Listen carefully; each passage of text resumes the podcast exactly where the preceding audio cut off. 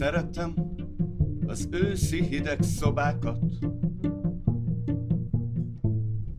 ülni kora reggel, összehúzott köntösben, a kitárt ablaknál, vagy a tetőn. Hmm. Párolog a völgy, meg a csésze kávé.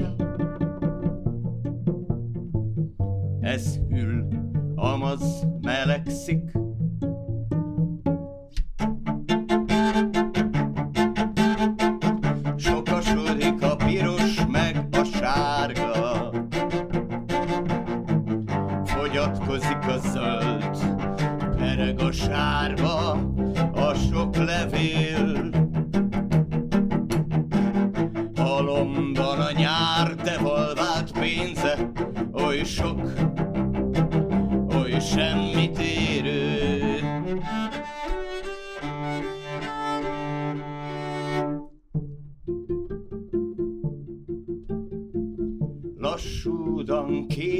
vált az ég, hamvas szürkéje. Hm, Enyészőben az enyhe borzongás. Közelednek a nappal dagály, türelmes, óriás toló hullámai. Kezdhetek folytatódni, megadom magam egy személytelen, felszólító módnak. Mm, kezdhetek folytatódni, megadom magam egy személytelen, felszólító módnak.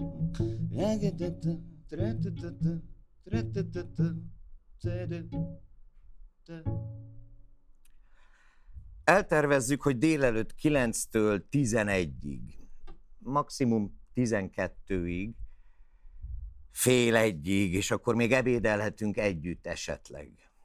Eltervezzük, de számításaink jóformán sohasem válnak be.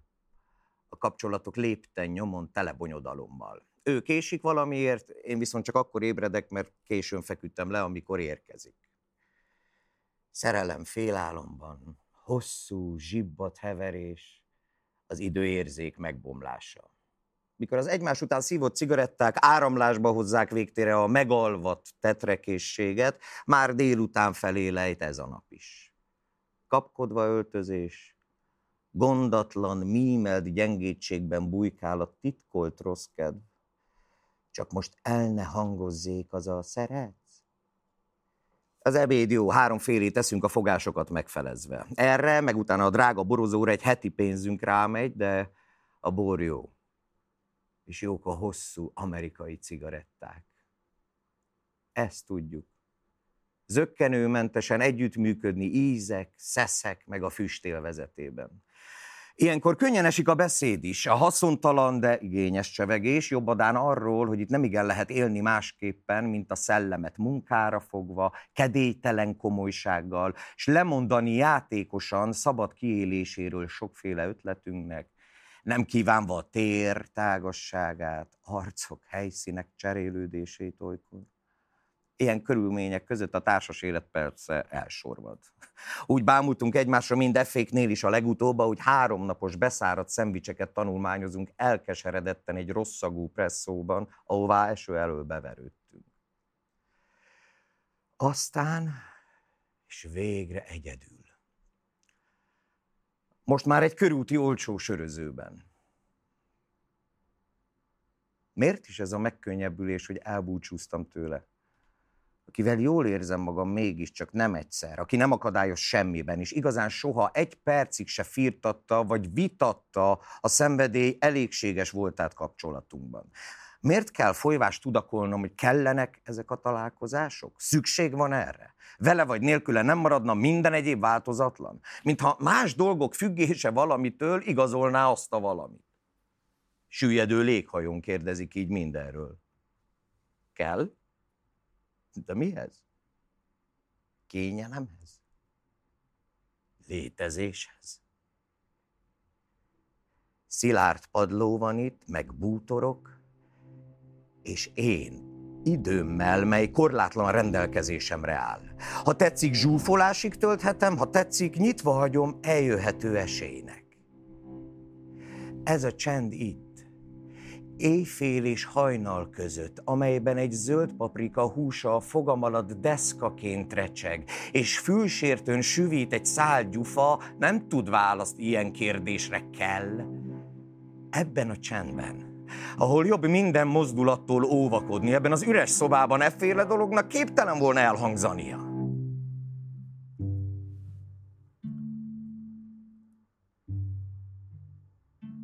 A világ, kisfiam, egy kát kihűlt víz. És megint nem mostad ki magad után. Jó, jó, ezt már ezerszer hallottam. Megoldhatatlan anyagi és életproblémák, lapozhatatlan lapok, hirtelen hírek, személytelen követők. Igen. Tudhatnád, ha szarsz se vagy egyedül. Ott van meggörbülve az es szifonban. Nem erre szültelek de hát egy anyaölesen világóra. Szedd össze magad, mert ez így fog menni még 30-40 évig. Mi szívós fajta vagyunk. Nagyapádat is úgy kellett agyonverniük az országúton. Miért nem tudsz a seggeden megülni? Majd eljön, ami eljön. Várt ki a véged.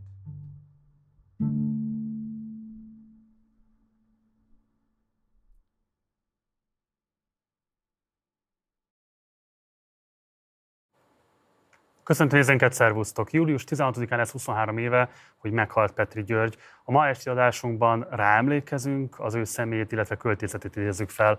Az előbbiekben Rost Tamást és Pál Andrást hallhattátok, akik a Kezdetek folytatódni című, a Radnóti Színház műsorán folyó produkcióból adtak elő néhány részletet, ők még vissza fognak térni az est folyamán. Egyébként érkezik majd hozzánk Hámori Gabriella és Király Dániel is, ők is Petri költeményeket fognak majd előadni. Itt a stúdióban pedig beszélgetni fogok többek között Fehér Renátóval, Szegő Jánossal, Kőszegi Ferenccel, Per Krisztiánnal, Turi Tímával, Sejem Zsuzsával, Krisna Attilával és Lénárt Hannával különböző aspektusairól az életműnek. A videó borítóképítés a promócióban használt képeket Szilágyi Lenke készítette, illetve a díszletben vetített képek forrásai a videó leírásában megtalálhatóak, de külön is szeretném megköszönni a Fortepánnak a nagy lelkűségét, amelynek köszönhetően hozzáférhettünk az egészen rendkívüli fényképes anyaghoz és már itt is van olyan a stúdióban Fehér Renátó és Szegő János, azonnal velük folytatjuk, vagy kezdjük meg pontosabban az emlékadást, de előtte nézzünk meg egy bejátszást Elek Judit 1980-as filmjéből, a Vizsgálat Martinovics Ignác Szászvári apát és társai ügyében című alkotásból, amelyben Petri György játszotta Hajnóci Józsefet. Most, hogy mindent elmondtam, amit a társaságok keletkezéséről tudok, saját szándékaimról szeretnék beszélni. Kezdettől fogva tisztában voltam azzal, hogy a kátékba foglalt szándékok rövid úton kudarcra vannak ítélve. Minden forradalmat, ami Magyarországon valaha is volt, egyházi méltóságok és főurak vezettek, és ez nem is lehetett másként.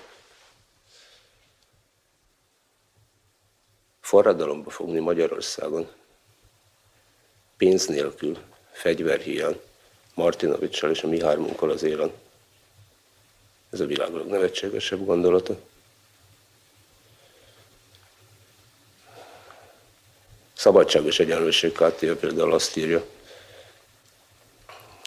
hogy a papság és a nemesség úgy, ahogy van teljességgel fölösleges.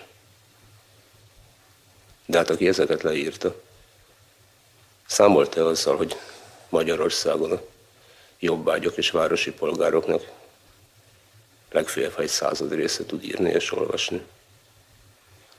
Vagyis, hogy ekkora embertömeget fel lehessen készíteni a forradalomra, ahhoz éppenséggel nemesekre és papokra van szükség, azaz pontosan azokra, akik a hatalmat jelenleg is a kezükben tartják. Hajnóci úr, ön tekintélyes tudós, hogyha ilyen világosan látta a titkos társaságok kudarcát, akkor hogy tudott mégis csatlakozni egy olyan emberhez, mint Martinovics?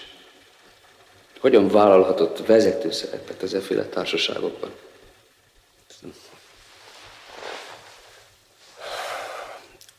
Tulajdonképpen úgy gondoltam, hogy a kt hirtelen elszaporodása jótékony rémületet kelt a kormányzatba. Arra számítottam, hogy ennek következtében végre belátják,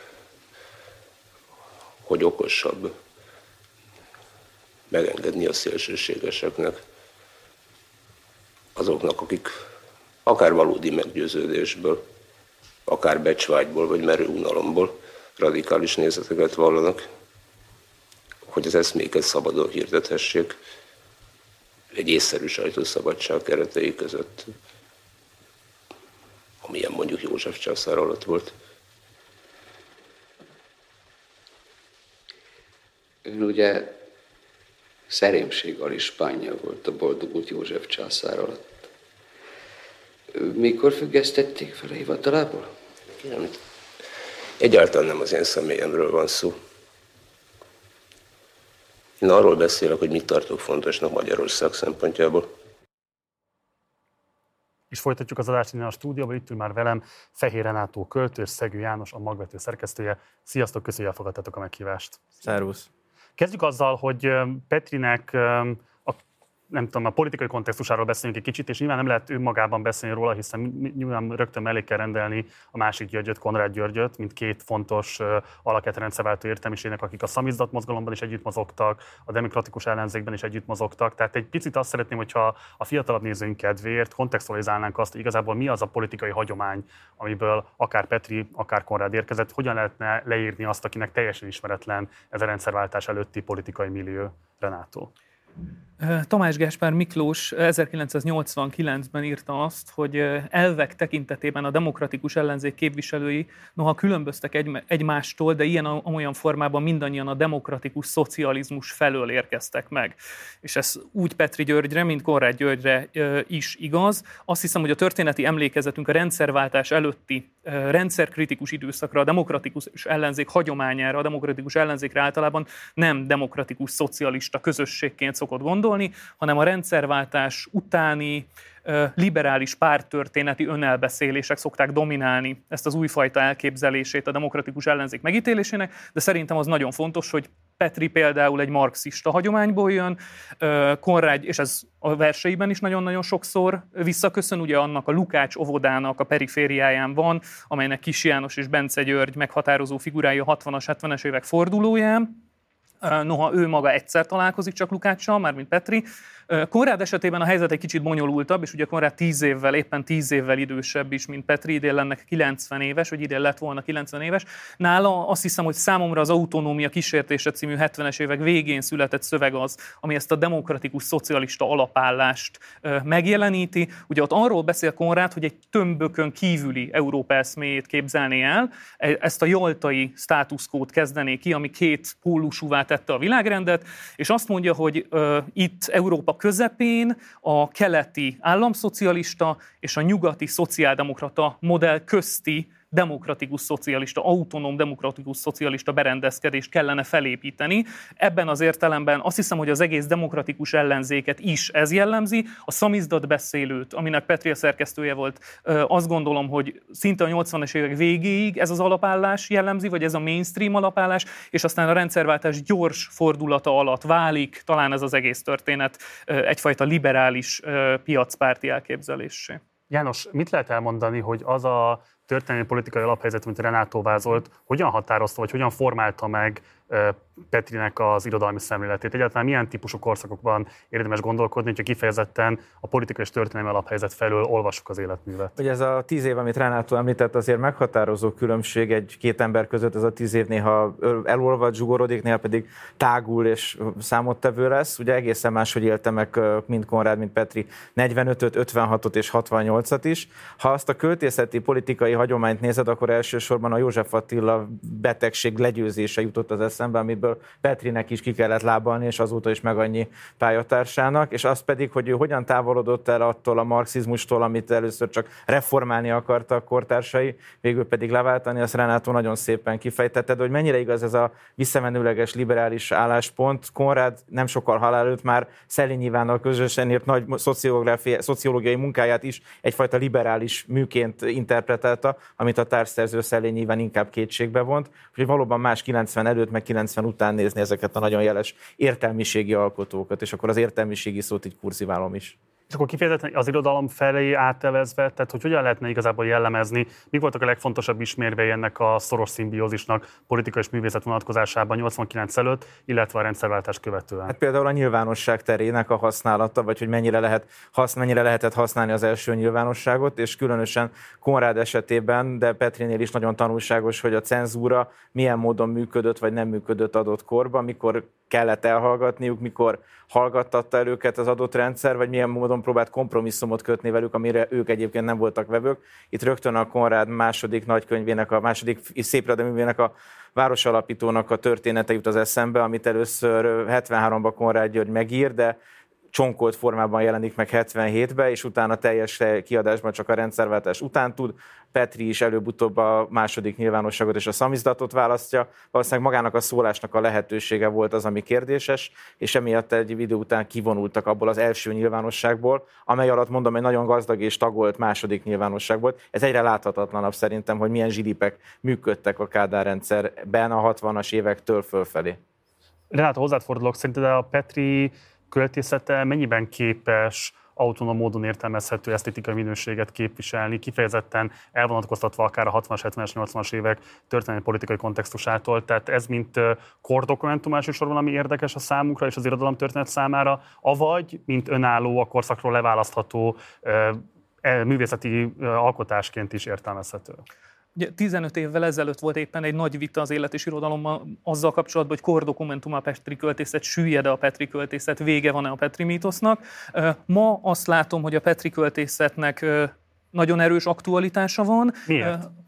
Többek között amiatt a politikai elkötelezettség miatt, ami ezekben a szövegekben benne van. Ahogy a, a János is említette, ugye az egy másik mediális helyzet, az viszont szerintem egy univerzális művészeti, esztétikai és politikai tapasztalat, hogy mind a Konrád, mind a Petri az itt és mostnak, a kortárs jelennek, a kortárs valóságnak a szerzői, nagyon erős referenciáit is használják annak a kortárs valóságnak, annak a kortárs léthelyzetnek, amit a 60-as, 70-es, 80-as évek Magyarországa jelent, de attól függetlenül, hogy ez egy ilyen nagyon közel van a kortárs jelen idejéhez.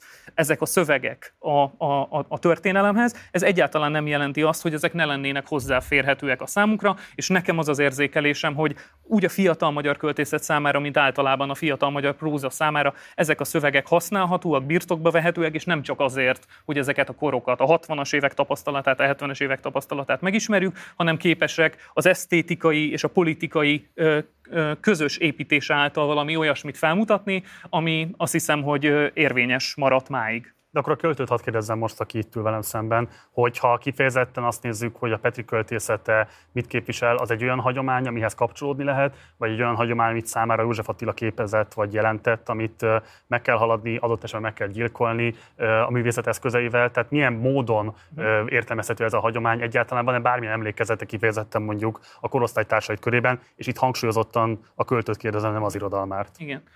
Azt hiszem, hogy, hogy az a generáció, amelyikhez tartozom, annak a generációnak már megváltozott a Petri képe, tehát a Petrire nem mint az elátkozott költőre, nem mint a kocsmában, presszóban ülő költőre, nem mint a cigarettázó költőre, hanem mint a politikai költőre gondolunk. Egy olyan politikai költőre, és az is hozzátartozik a 89 előtti, meg a 89 utáni megítéléséhez ezeknek a figuráknak, hogy a szamizdatba vonulva, vagy ellenzékiséget vállalva, rendszerkritikát vállalva, ugye nem egyszerűen költők voltak, hanem mozgalmárok is voltak. A demokratikus ellenzék az egy, ez egy szellemi politikai közösség volt, egy mozgalom volt, és ennek következtében mozgalmi apró is végeztek ezek a figurák, intézményeket építettek, úgy, mint a szegényeket támogató alapot, úgy, mint a szamizdatbeszélőt, úgy, mint a hírmondót, úgy, mint a rajkbutikot, tehát körülvette egy nagy hálózat ezt a közösséget, és ennek következtében az ő szerep lehetőségük is ebben a kettős kódolásban létezett. Amit 89 után látunk, az az, hogy közel maradnak az intézményes politikához, tehát két vagy mind a ketten a Szabaddemokraták Szövetségének pártagjai,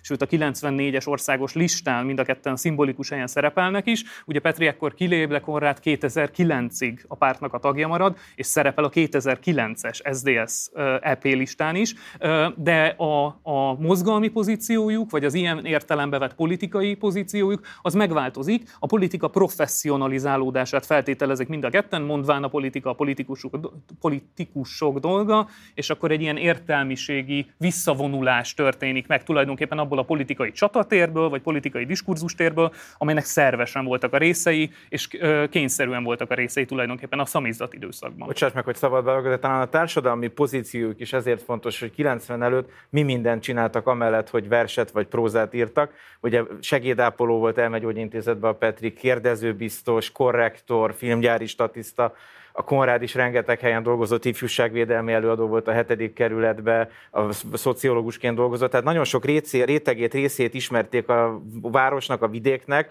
az országnak, ami 90 után egy egészen más státuszban, hol közvetettebben vagy közvetlenebbül foglalkoztat őket, nagyon különböző és a szerintem, tehát Petrinek sokkal erősebb affinitása volt a magyar valósághoz 90 után, szerintem, mint Konrád Györgynek, aki átválthatott egy európai porondra, és ugye hat éven keresztül a Berlini Művészeti Akadémia vezetőjeként egy európai figurája lett a kultúrának, de bocsánat, hogy a szabadba vágtam. Egyetlen baj, sőt, kérlek, hogy maradjon is nálad a szó, mert János szeretném, hogyha most kifejezetten az irodalmi szerkesztő szólalna meg, tehát hogy hogy lehet értékelni azt a hagyományt, amit Petri nevéhez köthetünk, ennek mi volt igazából a történet a rendszerváltás után.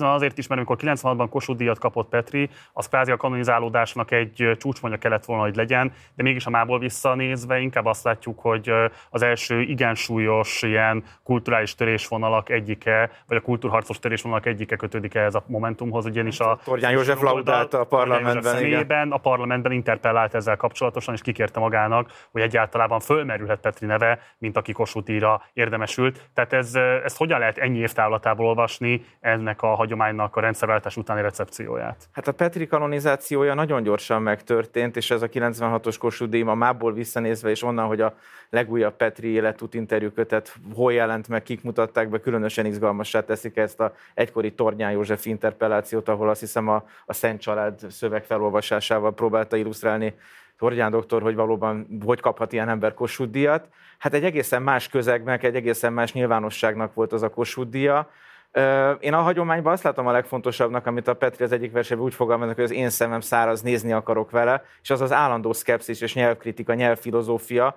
ami mindig gyanakvással tölti el az alkotót, akármilyen fogalommal, nyelvjátékkal találkozik. Én azt gondolom, hogy ez az a hagyomány, ami talán a legjobban életben tartja, de most szerintem nem a kérdésedre válaszolok. Nem, de nem elegáns dolog. gondolom. Parancsolsz? De mindjárt rá fogsz térni, gondolom. Igen, csak most már az eszembe juttatni. Tehát azt kérdezed, hogy a Petrit hogyan kanonizálta az irodalom a Igen, tehát mit lehet elmondani? Ugye a Renátó vázolta azt, hogy mit jelent az ő generációnak kifejezetten alkotói szempontból a Petri, mint hagyomány. Engem az érdekel, hogy irodalomtörténeti szempontból mit lehet elmondani ennek a hagyománynak a rendszerváltás utáni alakulásáról nagyon hamar klasszikus költő lett, ha volt a, alkotó, aki fázott, vagy ellenem mozgott a klasszicizálódásnak, az nyilvánvalóan Petri volt, de viszonylag korai halála is meggátolja azt, hogy ezt az egész kis teljesedést megnézhetük volna. Ugye 90 után a Holmi révén, az akkori intézmények révén nagyon hamar méltó helyére került ez az életmű, minden verse olvasható lett, azok is, amik korábban csak szamizdatban voltak, és egyszerűen a kornak Őrs István mellett azt gondolom a legjobb publicista költője volt, ha ez a kifejezés egyáltalán dehonestáló szeretne lenni,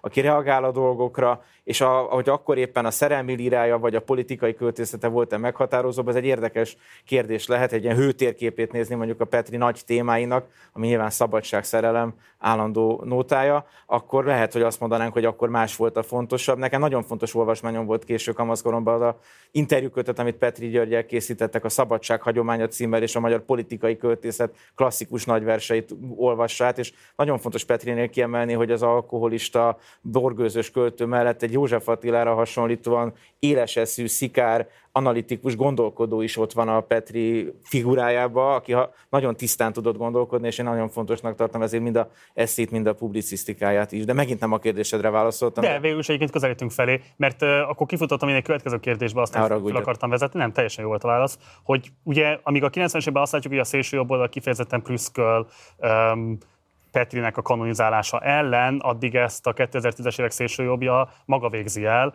Ugye bizonyos nosztalgia lehet most eltekinteni arra az 5-7 évvel ezelőtti vitára, amikor azt lehetett látni, hogy Schmidt Mária és körei megpróbálják inkorporálni a Petri életművet, Erről mit lehet elmondani magáról a kísérletről, ami akkor megtörtént, és egyáltalán látjuk-e azt, hogy ennek lett bármilyen maradandó ereje, nyoma, lehet-e azt látni, hogy emiatt akár mondjuk Petrinek a versei inkább részei mondjuk a nemzeti alaptantervnek, inkább hozzáférhetőek mondjuk a közkönyvtárakban, inkább valamilyen módon része a középiskolai kurikulumnak, vagy sem? Hát ez az antikommunista kánon, amelyben mind Kertész Imre, mind Petri György valóban kiemelkedő rangot kap, egy nagyon érdekes al, alfejezete ennek a jelenlegi hivatalos kultúrpolitikának. Én nem látom azt, hogy Petit a magyar szélsőjobban magáénak tette volna. Én azt gondolom, hogy ez egy egészen különleges kísérlet, hogy megpróbálják ezt az életművet, meg a kertészét, ezt a két radikálisan intézmény ellenes életművet bizonyos szempontból úgy kanonizálni, ami nagyon inadekvát beszédhelyzeteket teremt mind a két életmű esetében én emögött igazi tendenciát nem látok, inkább csak egy egyéni kísérletet, vagy mondjuk konkrétan nevezve Schmidt Máriának a affinitását, rajongását, vagy csak a minőségérzékét a Petri életművel kapcsolatban. De sikeres bármilyen szempontból? Nem, én nem látom sikeresnek, én zárványnak látom, ahogy a kertésznek is a, a át fazonírozása gyakorlatilag szinte láthatatlan. Ugyan a Petrinél sem látom, hogy most egy hivatalos ellen Petrit próbálnának meg csinálni ahhoz képest, ahogyan Petri volt, hogy ebben mennyi a provokáció, mennyire akarják ezt a magyar liberális értelmiséget ezzel megbotránkoztatni, ezt nem tudom. Én nem látom, hogy ez egy valóban termékeny diskurzus lenne, ami akár az Andrási úton, akár a Bencúr utcában történik ezzel a két nagy életművel és még egyszer mondom, egészen zavarbejtő, hogy pont ezeket az életműveket akarják ilyen módon intézményesíteni. Jó, szóval én ezt, igen, egy, egy görcsös kísérlet, és ugyanakkor egy nagyon henye kísérlet is. Tehát, hogyha a János által már említett, most megjelent interjúkönyvet, valaki megnézi annak a bemutatóját, valaki megnézi, a Kertész Imre intézetben zajlott 20 perc az a beszélgetés, és meglehetősen gondolattalan. Ugye a PIM főigazgatója Demeter Szilárd írja ennek a könyvnek az előszavát, ami nem nevezhető előszónak, tekintve, hogy ezer leütés, tehát egy, egy fülszövegnek is rövid, és az egyetlen egyetlen érdemi gondolata az lenne, hogy Petri György egy kényelmetlen figura volt, mondja méltány lólag Demeter Szilárd, és hát az uralom nézőpontjából, az ő nézőpontjából nyilván egy kényelmetlen figura Petri György, kényelmetlen figura Takaró Mihály nézőpontjából, aki a pokorra kívánja egy beszélgetésben Petri Györgyöt, kényelmetlen figura Bencsik András nézőpontjából, aki éppen a 96-os Kossuth idején romlott Petri Györgynek nevezi, szóval hogy ezt majd bent kell lejátszani a, a, a, a NER Holdud udvaron belül ezeket a kényelmetlenségeket. A mi számunkra viszont azt gondolom, hogy fölszabadító a Petri György életműve többek között azért is, amiről eddig beszéltünk,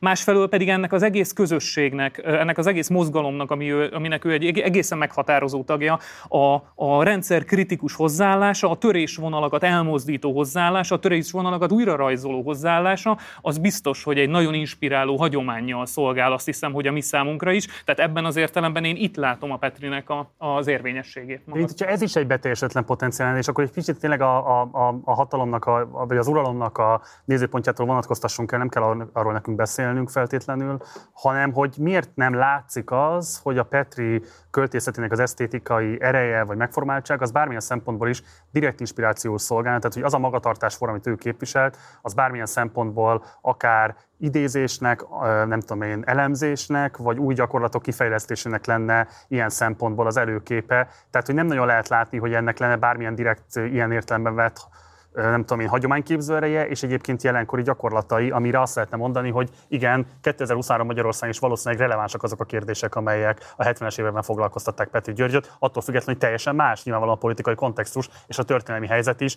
de a kérdések még attól még relevánsak, nem látszik, hogy ez bármilyen módon benne lenne az újabb generációknak Most így a mentális horizontja. Próbálj meg húzni egy segédegyenest, hogy van-e olyan életmű, amely ezzel ellentétben sokkal intenzívebben és aktívabban közvetlenebbül van. János, akkor más kérdezek, miért van az, az, hogy a slam poetry jelentősebb esztétikai inspirációnak tűnik a fiatalabb alkotók számára, mint mondjuk Petri költészete? Ez egy érdekes és jó kérdés. Szerintem egy nemzedéki gapről beszélünk, vagy egy olyan hozzáférésről, hogy a mostani slam poetrynek a Petrihez már talán át kell szállni, vagy már a közvetlenül a slam poetrynek a magyar bugyraiban megvannak azok a bázisok, fundamentumok, amik alapján a maguk beszédaktusait föl tudják építeni, de valóban. Meg a Petri kritikát én azt gondolom nagyon fontos mondani, hogy most már sokkal jobban dekonstruálják Petrinek akár a napsütöttes sávját, akár más nagy verseit. És erre fogunk is beszélni majd este folyamán Akkor még. jönnek, hogy, hát, ami azt jelenti, hogy egy, egy kikezdhető életmű éppen, hogy nem szentesíteni kell, vagy bebarzsamozni, hanem, hanem megkérdőjelezni. Hogyha valaminek van hagyománya, Petri, az a kérdezés hagyománya, ami, ami nagyon fontossá teszi, és az pedig, hogy ilyen közvetlen hatás nincsen, abban én inkább azt látom, hogy a jelenlegi magyar irodalom máshogyan tekint az apákra és a nagyapákra, és inkább a testvéreket keresi, és nem az apákat talán. De lehet, hogy Renátó, aki sokkal jobban vagy közel ehhez a Én például a slam poetry hagyományát azt ma már egyáltalán nem látom olyan élőnek, tehát szerintem ez a, ez a felfutás, ez most arra kifáradt, ugyanakkor viszont éppen a slam poetry közegben a Petrinek elképesztően erős hatása volt. Szóval hogy az a típusú... Tudsz valami konkrét alkotókat is esetleg? Molnár Péter? Ö, például a Molnár Péter, de hogy azt hiszem, hogy az elitje a slam poetrynek, ha mondhatom így, tehát hogy a vezető arcai ö, egyrészt költőként érkeztek meg a slam poetry mozgalomba, másfelől nekik személyesen nagyon-nagyon fontos volt a Petri, és az a mondjuk nyelvjátékosság, amit a slam poetry bizonyos értelemben használt, az a Petrinek a költészetére is sok tekintetben igaz, tehát a bökversnek a hagyománya, az szerintem például nagyon aktívan szövegszinten, szövegimmanens szinten köszön vissza uh, slam poetry szövegekben is. A másik viszont azt hiszem, hogy a szerepfelfogásnak a kérdése, szerintem fél távnál vagyunk, hogyha úgy érzékeled, hogy a Petri hagyomány nem teljesedik ki, akkor szerintem többek között azért nem, mert megállunk félúton, megállunk ott, hogy elképzeljük azt a narratívát, hogy ez a pozíció, a szamizdat pozíciója az egy kivonuló pozíció az egy belső emigrációnak pozíciója. Ezzel szemben én radikálisan azt gondolom, hogy ez a jelenlétnek, a tudatos és fokozott jelenlétnek a pozíciója, és már a szamizdat beszélőnek a 81-es lapindítója arról beszél, hogy rögzíti, hogy a viselkedés és engedelmességi rutinokat felszámolják, és akkor ebbe a helyzetbe érkezik meg az a rendszerkritika, ami nem annyit állít, hogy, hogy a felháborodásnak és a tiltakozásnak az öncélja az elegendő. Nem annyit állít, hogy az egyéni cselekvés az elegendő. Nem állítja, hogy a lelkiismereti és morális kötelezettség az elegendő. Azt mondja, hogy közösségeket építünk, azt mondja, hogy intézményeket építünk, és igenis azt mondja, hogy hosszú távú, rendszerkritikus politikai stratégiát építünk a fennálló rend ellenében, és azt hiszem, hogy ez az a hagyomány, a rendszer logika kikezdésének a hagyománya, amiben ugye Petri életmű, mint a Konrád életmű élen jár. Ez az antipolitikát hozzá lehetne olvasni, vagy a napokban, hogy Milán Kunderának az akkor írt szövegét. Simon Mártonnak is nagyon fontos költője volt Petri Igen, György, a, a fiatal Simon Mártonnak, hogy ilyen irodalomtörténeti mélységet adjunk ennek. Oké, okay, záró kérdés, még van időnk, és szeretném, hogy megválaszolnátok. Szerintetek mi kellene ahhoz, hogy változzon, és ilyen belátható dolgokra gondolni, tehát nem arra, hogy mondjuk a nemzeti alattanteret át kéne írni, meg nem tudom én kultúrpolitikának kellene erre reagálni, mert ezek nem lesznek. De ami mondjuk így az érdeklődő közönségnek az eszköztárában elérhető, minek kellene változni ahhoz, hogy mondjuk a közéletileg érdeklődőknek a politikai költészetben, a reflexeiben Petőfi Sándor, Adi Endre, nem tudom még ki mellé, Petri György is fölkerüljön a horizontra. Nagyon egyszerűen mi kellene ahhoz, hogyha mondjuk szavalatra kerül sor egy nemzeti ünnepen, evidens legyen, hogy akár Petrit is lehet szavalni.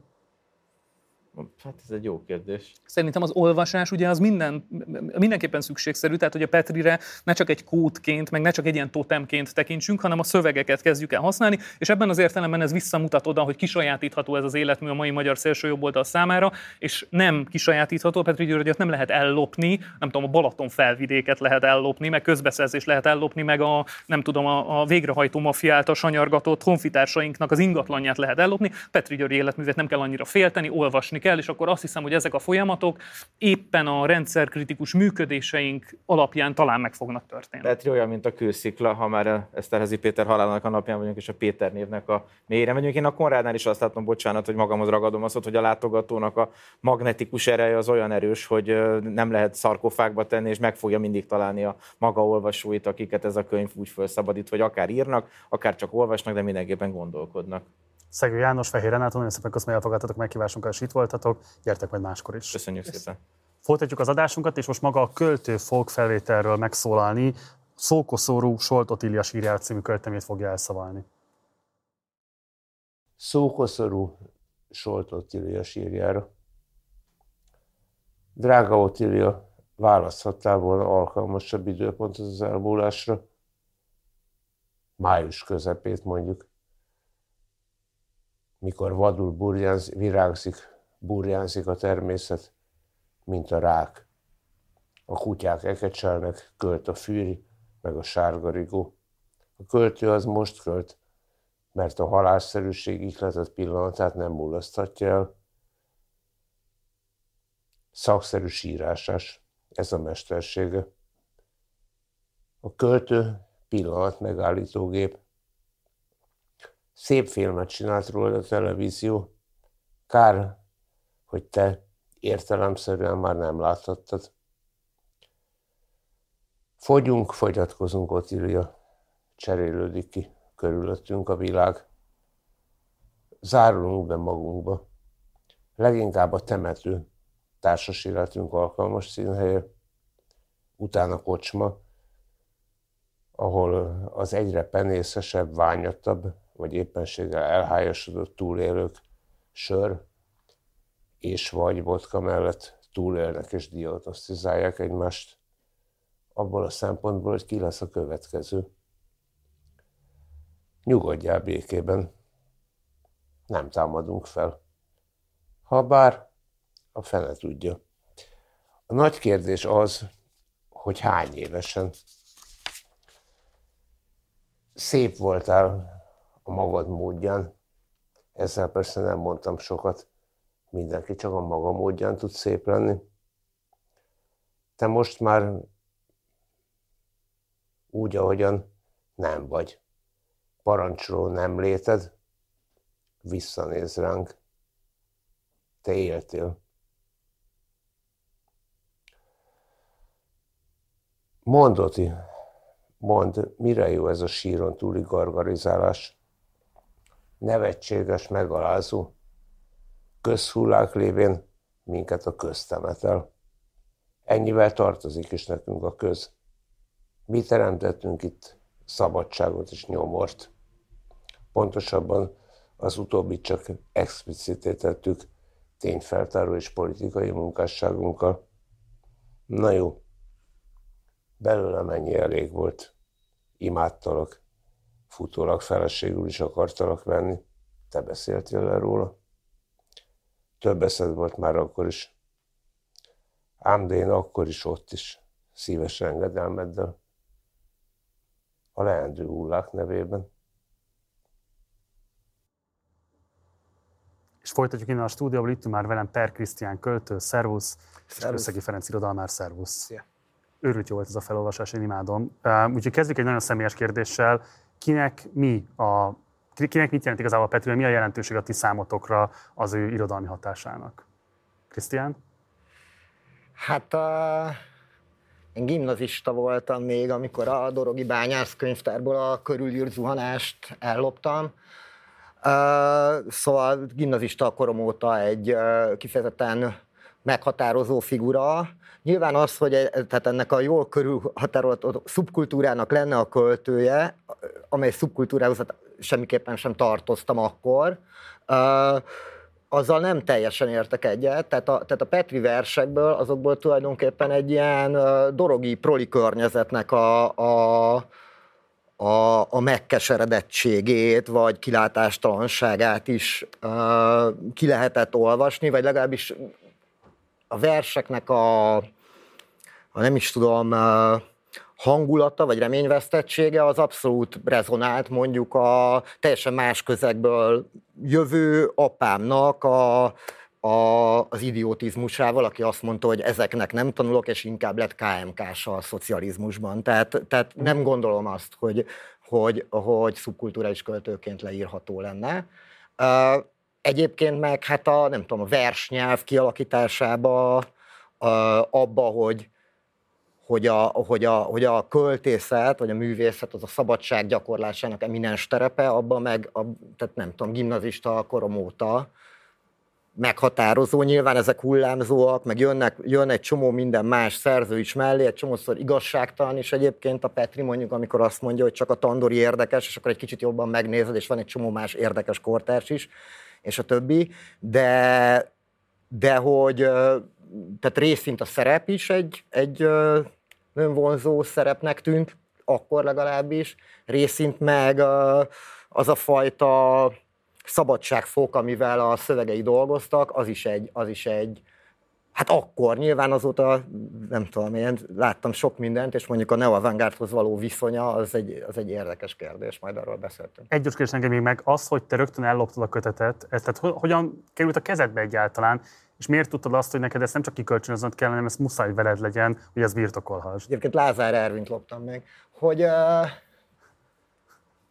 hát nem tudom, tehát nyilván az volt, hogy így, amikor elkezdtem írni, az nagyjából úgy kezdtem el, hogy túl sokat nem olvastam még, de az előtte igazából nem tudom én kortás költészetet, de akkor az evidensé vált, hogy ez, ezt muszáj csinálni, és hát, hogy akkor mondjuk egy ilyen szállóigévé vált Petri is idézzek, hogy a kóstolódó ifjúság, tehát olvastam orba mindent, és akkor elég hamar, tehát akkor már azért uh, hozzá lehetett jutni. Tehát itt ugye a 90-es évek környékén vagyunk, 80-as évek legvége, 90-es évek eleje, tehát akkor már hozzá lehetett jutni Petri, ez nagyon hamar találkozott is az ember. Nyilván a, én a Treffordba jártam, tehát abban a gimnázi, gimnáziumi környezetben azért a Petri kultusz az jelen volt, és hát a nem tudom én, a, a szövegek olvasásakor az, az látszódott, hogy ez nekem evidens közön van, illetve éltem azzal a nem is tudom, előítéletes feltételezéssel, hogy a Dorogi Bányász könyvtárban olyan túl sokan nem érdeklődnek Petri iránt. Most nyilván ezután az adás után vihetem majd vissza. Ferenc? Hát én egyetemen találkoztam Petrivel, nekem középiskolában nem volt ilyen élményem, és nem is volt Petri kultusz, vagy nem, nekem nem tűnt fel, Reál, reálos voltam eredetileg, aztán jöttem át magyar szakra. És hát Petri volt az első költő, aki, aki sikerült behúzni engem a költészetbe, mert a kortás költészetbe úgy értem. Az első költőszerelmem elkezdtem olvasni őt, és azt éreztem, hogy ebben a hanggal, ebben a hangütéssel tudok tényleg őszintén működni, annyira, hogy ő rángatott ki, eredetileg én Balasit kutattam az egyetemen, hát kutattam alapszakosként, és ő miatt mondtam azt, hogy jó, nem Balasi, hanem Kortás. Aztán persze az a szakdog alapszakos, az szörnyű volt, tehát hogy elképesztően rossz az írásom, és aztán nem is folytattam ezt a kutatást, szeretném meg én hobbiból csinálom, teljesen más dolgokkal foglalkozok most. Bocs, milyen aspektus érdekelt téged Petrinek? Akkor engem az örök hétfőnek az az aspektusa érdekelt, hogy ott hirtelen szamizdatba lép a költészet, és ez mit jelent? Mert azt éreztem, hogy elég egyértelmű, nem, nem, nem annyira okos ez a, ez a hozzáállásom, hogy az örök hétfő valamiképp ott nyelv fölrobban, valamiképp az az ilyen valamilyen keretek közé zárt költészet hirtelen elkezd lazább lenni. Ezt a Sein Gábor úgy fogalmazza meg, hogy iróniából víz lett Petri költészetében, tehát ez az alak elkezdett megváltozni benne. Ez érdekelt, és akkor ezt próbáltam valamiképp ilyen kortásról olvasni, de nem, ez nem egy jó, de nem, nem egy jó kiinduló pont szerintem, szóval nem érdemes azt különösebben így mondogatni. De nekem ez volt, hogy ő volt az, aki miatt igazából a kortás költészettel, vagy a kortás foglalkozok úgy tágabban. Hogy miért, az, az hiszem mai napi kérdés bennem, majd a mai adás, nem tudom hát ha megfejtjük közösen. Igen. A Krisztián vetette fel ezt a szubkulturális meghatározottságát a Petri kultusznak, és azt meg tudom erősíteni, hogy biztos, hogy hozzám hamarabb elért a Petri alakja, mint a Petri költészete. És ugye ez az alak azért elég sztereotipikus és leegyszerűsítő. Ez a végletesen önpusztító, dohányzó, kocsmaáptjáró, alapvetően mindenféle deklasszálódott népritegek körében társaságot találó figura, aki nem tudom, ilyen osztályokon átívelően próbál kapcsolatot építeni, és nem tudom, ilyen tudásokat hordozni innen, oda, onnan, ide. Mondom, sztereotipikus leegyszerűsítő, de éppen ezért egy fontos kérdés, hogy szerintetek maga az alak mennyiben takarja ki a költészetet, melyik az erősebb szerintetek? Most nem az esztétikai erejét vagy érvényességét tekintve, hanem a nyilvánosságban elfoglalt pozícióját tekintve. Hát a nyilvánosságban nem tudom, de a kortás költészetterülben, ha nem is Petritől húzza ezt mindenki, de ez a fajta kimentem a gangra elszívni még egy utolsó cigit költészet, ami egy ilyen vicc lényegében róla, az gyakori, főleg a legfiatalabbaknál. Tehát ez a macsó szerepfelfogás, ez a borízű, cigifüstös költészet, azért elég fárasztó is, és nagyon gyakori is. És sztereotipikus. És sztereotipikus, és nem biztos, hogy mindenki mindig Petriből hozza, és ezt mondani is akartam, hogy ez az alak, ez a romantikus elálkozott költő, igen, Petri is beleszorítható ebbe, de azért ez egy több száz éves ilyen költőfigura, tehát van jó pár másik költő, aki hasonló szerepet vitt, vagy hasonló szerepet tuszakolható. Ezt így Petri számlájára írni, Például a Bartók mi mondta ezt, hogy Petri megmérgezte a kortás költészetet. Hát nyilván nem Petri mérgezte meg, ezek a szerepminták ott voltak mindig is ebben a, a romantika óta a fejünkben. Hogy meg bocsánat, költő... mit jelent ez, hogy megmérgezte? Hogy lehet ezt interpretálni igazából? Hát úgy, hogy ez a, Petri, az, ez a fajta borízű dolog, ez a Petrinek a hatása. Petrit, Petrit követve kezdtünk el ilyen dolgokról írni a költészetünkben és igen, részben valóban így van, de én azt gondolom, hogy ez inkább sokkal-sokkal régebbi szerep, és a Petri költészetét igazából ezt kitakarja, vagy az a szerep ráíródik a Petrire, mert a Petri nem ennyi, sosem ennyi. Tehát, hogy a Petrinél persze ott van a bor, ott van a, ott van a kocsmázás, ott van a boráros tér, mit tudom én, de hogy ezt mindig magyarázatok követik, mindig körbe van írva, sosem ennyiről szól a Petri költészete szerintem. Miért egyáltalán ezzel Petrit utólagosan nem tudom én számon kérni?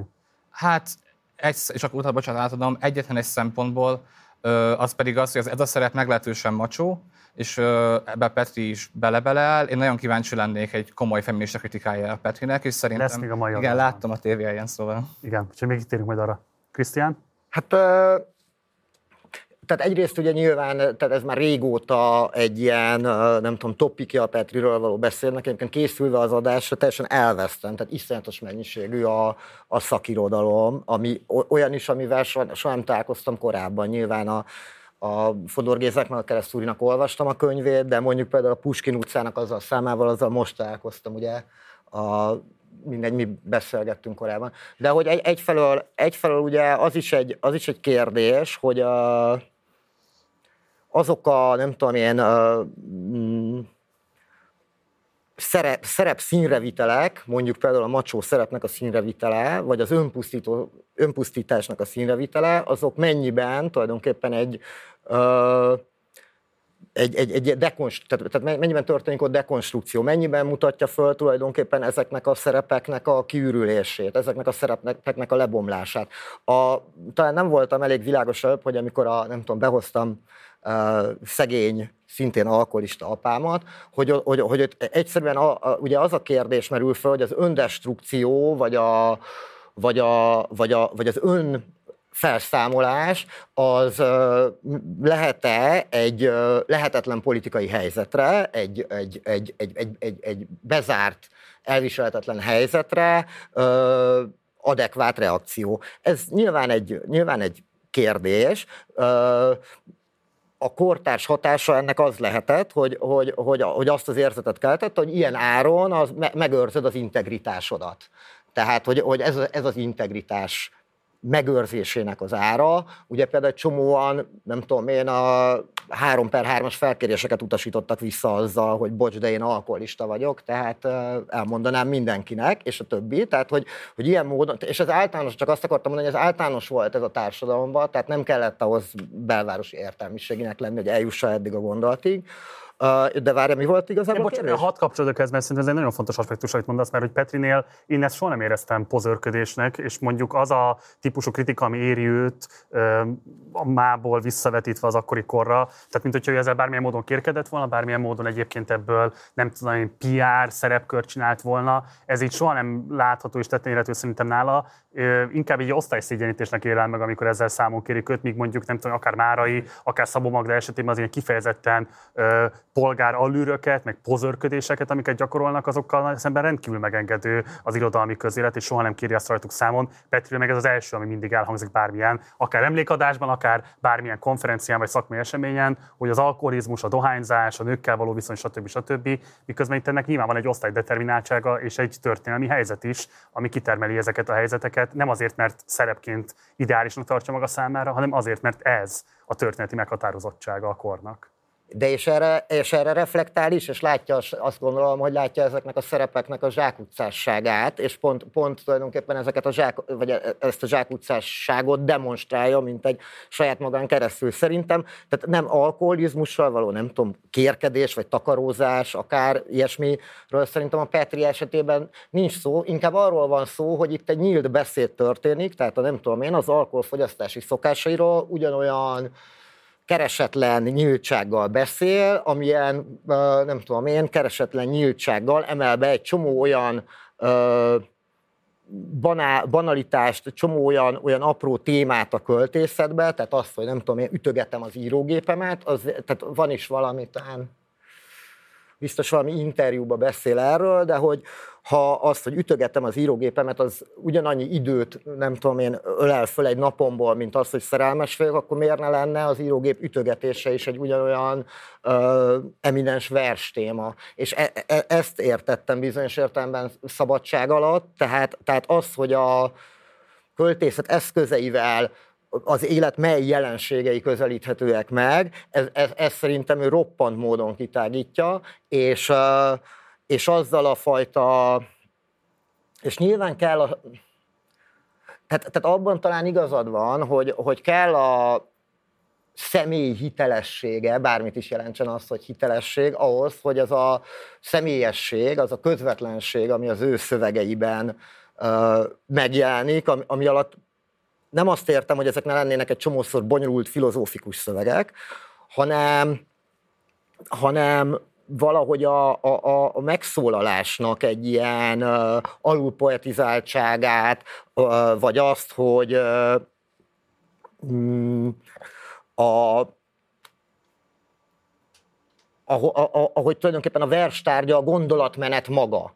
Tulajdonképpen, mint hogyha megjelennének olyan imaginárius célok is, hogy a, hogy a, a vers, az tulajdonképpen a vers megszüle, megszületésének egy olyan dokumentuma, mint hogyha éppen akkor történne. Ebben például van, van egy csomó, a dacára annak, hogy mondjuk konzervatív költőként jellemzi magát Petr, és ebben többé-kevésbé igaza van, mégis ezek, a, ezek az eljárások, ezek azt mutatják, hogy egy csomó köze van, és ez nyilván a kor is erről szól, Tandorihoz, vagy egy csomó bizonyos értelemben köze van ahhoz a neovangárdhoz is, amivel hát nagyon, tehát ez egyébként egy nagy problémája szerintem az akkori és máig ható problémája, hogy, hogy például egy ilyen Petri-szerű figura is, az egyszerűen bluffmesternek gondolja az Erdély Miklóst, az egész Neoavangardról azt gondolja, hogy túl sok a kiáltvány és túl, sok, túl kevés a mű, ezt, ezt ugye az életműkiadás negyedik kötetében, ami az egyik kedvencem, az L1, L1 egy iramatok, nem tudom, tehát hogy a, a mindenféle cédulákat összeszedő kötetben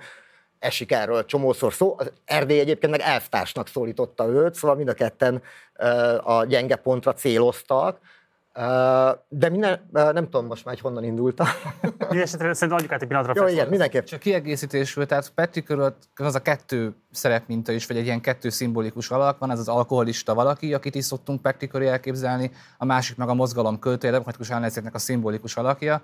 Na most ugye nem arról akarok beszélni, hogy minden, valamelyik ne létezne. Létezik mind a kettő Petri, tudjuk, hogy mind a kettő igaz valamennyire, bár a demokratikus ellenzékhez való viszonya az egy kicsit bonyolultabb ennél, mint hogy ő a szimbolikus nagy költője ennek. De hogy ö, ugye most Petriről, mint költőről beszélünk, alapvetően a verseiről beszélünk. Az lehet, hogy Petri, mint az életrajzi figura, és neki az alkoholizmusa, az problémás volt, biztos, hogy az volt. Nem tudom, én nem ismertem Petrit, tehát hogy nyilván. Ö, viszont a versekben ezek az elemek, hogy mondtad is Krisztián, mindig valamiképp szerepelnek. Eleve a szubjektum, és az nagyon fontos a Petri költészetében, a vallomásosság mindig egy konstruált szubjektum képre mutat rá. Mindig azt mondja, hogy amit mondok, azt már itt a versen belül mondom, a vers én vagyok, ez, ami most születik, ez az egész dolog az alkoholizmussal, a cigivel, a nőkkel, mindennel, a versben történik. A vers hozza létre, és célom van vele a versnek, a vers, amit mondani akar ezeken keresztül is sokfelé értelmezhetjük persze, és ez a, ez a fajta szubjektum konstrukció, ami aztán ami aztán a politikai térig is kiteljesedik, tehát a totális személyesség, hogy ezt szokták mondani. Hát az, hogy a Petri, Petri szubjektumában ott van az egész politika, ott van az egész Magyarország, az alkoholizmusa, a nők, a cigi, az is, mint Magyarország, vagy lehet így olvasni, hogy létrehozza ezt a, ezt a költözeti konstrukciót, szerintem ez az érdekes benne, és az a nagyság, és ezt, hogyha annyival helyettesítjük, hogy szimbolikus költője egy bizonyos politikai körnek, vagy avval helyettesítjük, hogy az alkoholista költő, akkor pont a lényeg marad ki, pont az marad neki, hogy itt egy olyan szubjektum konstrukciót létre, nem először feltétlen, de ebben a formájában először, ami képes egyszerre személyes lenni, életrajzi lenni és politikai lenni. És ezeket, ezeket a szférákat nem, választ, nem választja külön. És bocsánat, még Már... egyet, egyet, egyet hagy fűzek hozzá, hogy, hogy az is van tulajdonképpen, hogy magának a munkának, vagy a versírásnak egy olyan egzisztenciális tétje van, ugye mikor nem írok verset, nem vagyok, hogy tehát nem csak ne, ne, nem csak a versben képződik meg ugye az a szubjektum, amiről beszélsz, hanem, hanem tulajdonképpen szinte romantikus módon a, a, a, a saját létezését azt a, a attól teszi függővé tulajdonképpen, hogy funkcionál-e, mint költő, és akkor itt megint azt, azt mondanám, hogy mert hogy hiszen ez a költészet az, ahol tulajdonképpen a szabadság megélhető. Tehát én arra még emlékszem, hogy a 90-es években, ma már nem ez van, ma már mozgalmárok a fiatalok, ezt te jobban tudod nálam, de a 90-es években még mindenki művész akart lenni mondjuk egy kocsmában, és szinte mindegy is, hogy milyen, tehát hogy izé, kőfaragó lesz, vagy balettművész, vagy nem tudom én, hanem, hanem és az én korosztályomból, fiatalok, 90-esek, ha azért, mert, mert, mert, mert az volt a, a, az akkori illúziónk, tévedésünk, hogy a, hogy, a, hogy a szabadság terepe ebben a determinált világban az kizárólag a művészet tud lenni. Jó, hát, hogy ez ennyi volt tévedés, mert erről egy másik adásban mindenképpen beszélünk, ez egy érdekes felvetés, de visszafordulva Petrihez, és kifejezetten itt az egzisztenciális jelentőség felől olvasva, több vita is kísérte a rendszerváltás után a Petri költészetnek a jelentőségét, és most egy 2008-as vitából szeretnék most idézni. Károly Csaba volt az, aki az élet és irodalom hasábjain írt egy meglehetősen kartos állításokat tartalmazó szöveget, amelynek már a címe is elég erőteljesen hát értéktelített. Ugye az volt az állítás, hogy a Petri mítosz vége, és akkor hadd idézek belőle.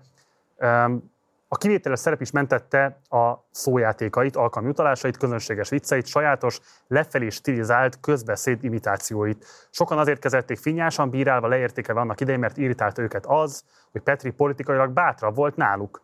Az esztétikai kifogások sokszor burkoltan a hősi szerepnek szóltak. A másik oldalról éppen ezért értékelődhetett föl.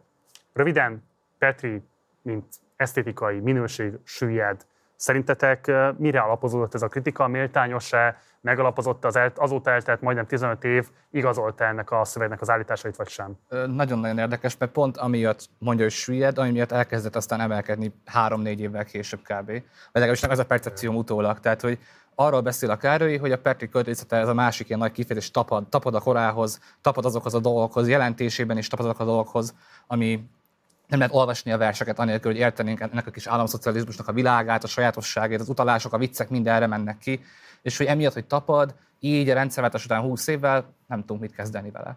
És ez, itt a mondás emiatt süllyed, de pont amiatt, mert a Petri költészete úgy működik, hogy beépíti magába a saját környezetét, hogy az életrajz, a történelem és a személy nem válik el, tényleg nem válik el, emiatt kezdett érdekes lenni 2010 után 2010 mi történik, egy újabb rendszerváltás történik, és a magyarodalmi közeg hirtelen elkezd gondolkodni rajta, valószínűleg ettől nem függetlenül, de csak egy sejtéssel nem tudom bizonyítani, hogy valahogy, valamit csinálni kéne a politikai költészettel. Ez egy elhagyott hagyományunk, és úgy tűnik, hogy szükségünk van rá.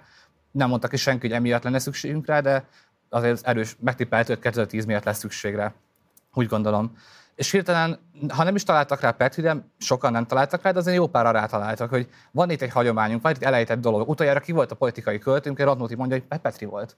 És akkor valamit kezdeni kéne ezzel, mi az, hogy politikai költészet, nyilván már nem a tribűn, meg nem az, hogy kiállunk és beszélünk emberekhez, és ami a legfontosabb, hogy nem az, hogy képviselünk.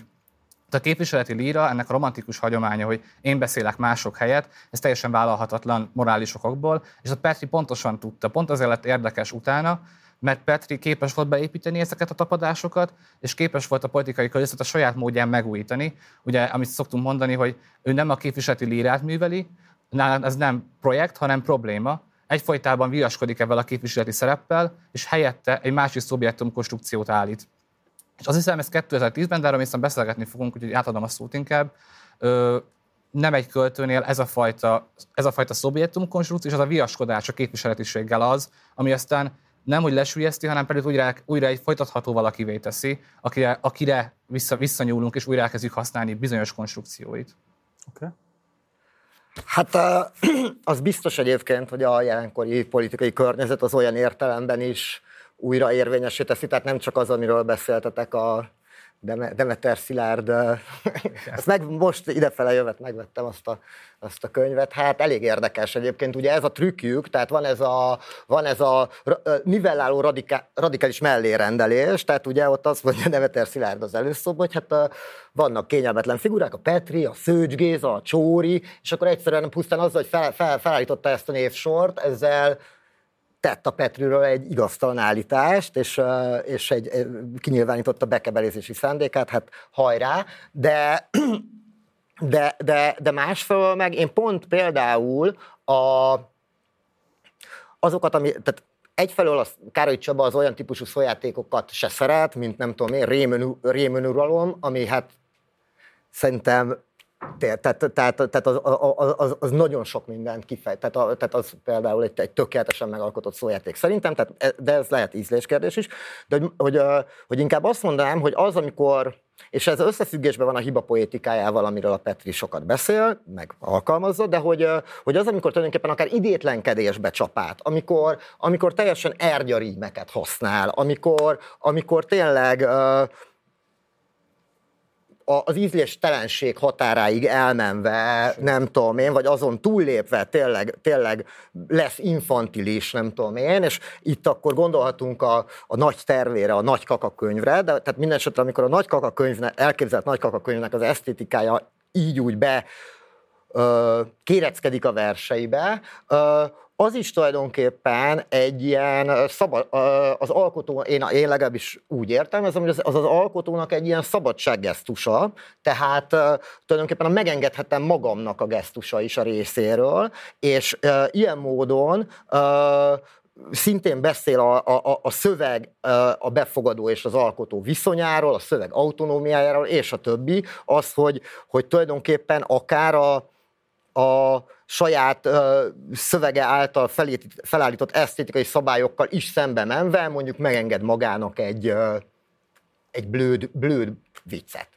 Igazából mindketten arról beszéltetek, hogy 2010 után így újra alájött a történelem a Petri költészetnek, és akkor igazából ez egy záró kérdés is egyben, hogy volt 11-12-ben egy nagyobb, hosszabb idejű vita arról, hogy milyen típusú politikai költészetre van szükség, milyen típusú politikai költészet lehet egyáltalán érvényes jelenleg. Ez hogyan hatott a Petri költészetére? Ez hozzájárult a reneszánszához, vagy inkább tényleg a 2010-es váltás volt az, ami elősegítette ezt a reneszánsz? Tehát hogy, látjuk ennek, hogy látjátok ennek a kettőnek az összefüggéseit? És akkor elsőként Krisztián, utána Ferenc. Jó, akkor, akkor egy picit kapcsolnék a, a Soltot Iliás vershez. Tehát ugye ott például megjelenik a, a, a, a mi, a többes szemás személy, hogy ö, ö, mi teremtett, azt hiszem persze rögtön visszakozik, hogy mi teremtettünk itt szabadságot és nyomort, Igen. és akkor rögtön visszakozik, hogy csak explicítetettük, ami természetesen nem teljesen igaz, mondjuk.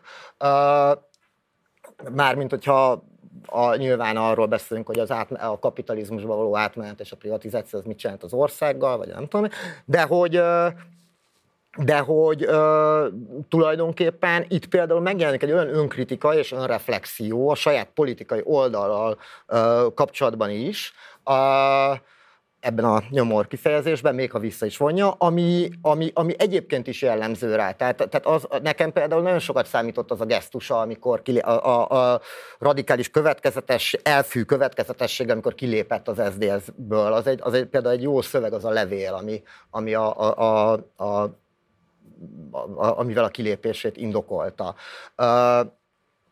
Minden esetre a probléma tulajdonképpen talán az, vagy én nem a mai politikai helyzet, tehát, tehát egyfelől abban mindenképpen, mindenképpen hasonlóvá vált a helyzet, hogy, hogy az az érzés, ami a 70-es évek középkorú embereinek az érzése lehetett, hogy az életünket ebbe fogjuk leélni, ez most újra megjelent. Tehát az én generációm, vagy legalábbis akikkel beszélek, én maga, én sajnos azt gondolom, hogy ezt az életet most már ebbe fogom leélni, ami egy tehát újra gondolás, újra gondolásra késztet azzal kapcsolatban, hogy akkor az ember milyen stratégiákat válasszon. Másfelől a, a nem, nem, tehát nem is azt gondolom, hogy a tehát a, tehát a, a kérdező, kétkedő, attitűdje az, ami, az, ami igazából érvényes, tehát, tehát azok a faj, tehát én nem látom azt, én nem látom azt, hogy, hogy az ő post 68-as generációjuknak azért voltak, nem tudom, olyan típusú pozitív értékei, mint a nem tudom én, az, a, mondjuk gondoljunk az emberi jogi vonulatára az egész demokratikus ellenzéknek. Ma ilyen típusú evidens értékeket, amiket szembe lehetne szegezni a jelenlegi politikai környezettel, én nem nagyon látok. Én, én alapvetően azt látom, hogy nem tudom, egyéni stratégiák és egyéni megúszások vannak, és tulajdonképpen a, a, a Petrinek a, a, a, a a, a költészete is, már mint a, a szövegeinek ez a, a folyamatosan saját magukra is rákérdező jellege, vagy a saját igazságaira is rákérdező jellege, másfelől a, a a, pet, a költő figurájának ez a fajta, nem tudom én, rendíthetetlensége, vagy, vagy, vagy, vagy meghajlíthatatlansága, ez mind a kettő olyan dolog, ami legalábbis tanulságokkal szolgálhat ma arra, hogy mit tegyünk s miért. Ferenc? Két dolgot, és a kettő talán együtt kiadja a választ, egyik sem lesz egyenes válasz a kérdésre. Hát ami nekem igazából érdekes a mostani fellendülésében, több, és a fiatal, ez egy ilyen erősödő trend, én úgy érzem, tehát minél fiatalabban lép be az ember, annál nagyobb valószínűség, hogy Petrit, de a Petri hagyománynak valamilyen konstellációját használni fogja. A kérdés azonban az, hogy Petrinél az, hogy az ellenzékben írunk, és az ellen, ellenzékiségünket valamiképp megírjuk, ez, ennek volt egy ilyen szellemtörténeti alapja, 68 szellemében írjuk meg, a buka szellemében persze, és azért olyan, olyan a hangulat ennek az egésznek, amilyen. A kérdés szerintem az a mostani fiatal generációnak, akik, akik írni próbálnak, és úgy próbálnak írni, hogy legyen valami helye a mostani kortás politikai viszonyokban, az valamit kifejezzen ebben, ebben a terepben is. Nekik viszont azt kéne átgondolni, nem, nem át kéne, ez nem az én tanácsom, hanem ezt csinálják egyfolytában, hogy minek az alapján kérjük számon, és mit kérünk számon. Mi az a kulturális ajánlat, mi az a világ, amit építünk éppen, és az, az miből jön ki. Ugye szerintem itt van egy hatalmas vákum, de ez nem Magyarország lokális, hanem globális probléma, a fantáziának egy ilyen vákuma, hogy oké, okay, hogy a rendszer rossz, itt meg ott, meg így, meg így, meg úgy rossz, de miért rossz, és mit akarunk helyette, nagyon nehéz kérdések. Ezt szerintem a történelem fogja megmutatni, az biztos, hogy energiák vannak a felé, hogy valamit alakítsunk, és hogy minek a nehében csinálják most éppen a szerzők, azt én nem tudom megmondani. A másik, amit mondani akarok, ami szintén ehhez kapcsolódik, ez a fajta ellenzékben írok dologhoz, amit a, a 90-es évek után, a rendszeres után rögtön Petri nagyon, nagy erőkkel mondott ki, hogy elvettetek a kedvenc játékszerem. Valahogy, valamiképp az én irodalmam, az én egész működésem szemben történt. És ugye ezt írja Sipos Balázs is nem csak Petriről, hanem az egész késő kádárkori irodalomról, hogy az egész késő kádárkori irodalom egy polgári költészet eszményt és irodalomeszményt hozott létre, de ellenzékben, ellenzékiségben jött létre a polgári, a polgári kultúra Magyarországon. Ez TGM ugyanezt mondja nagyon sok helyen, szóval egyetértések vannak ez ügyben. Másokban más mondat, nem ez a lényeg. A lényeg inkább az, hogy létrejöttek irodalmi formáink, Berkeleynek is van egy úgymond szabadságképzete, ezt a Krisztián is tök jól elmondta szerintem, hogy ez a szabadságnak a kis körei, a kis irodalmi körökben mi szabadok lehetünk valamiképp. Az a kérdés, ez a stratégia, ami mondjuk az állam, állam az állam, bocsánat, az állam, igen, államkapitalizmusban, jól mondom, államszocializmusban mondjuk, hogy vali stratégia volt, tegyük föl, és mondjuk, hogy a rendszerváltásból valamiképp elvezetett, tehát a demokratikus ellenzék valamiképp nyer, persze ez nem ennyire tiszta ez a sztori.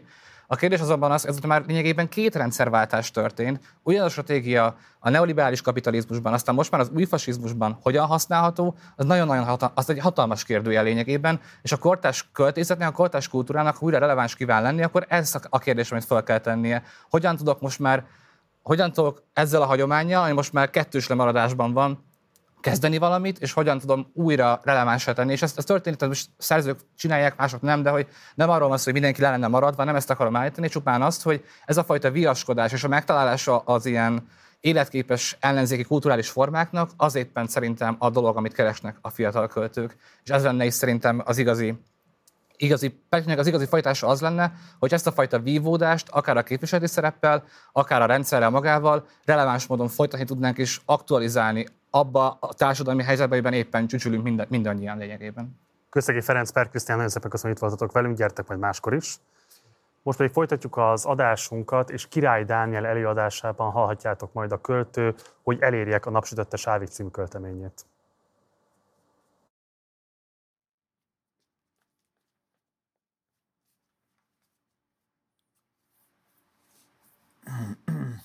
Hmm.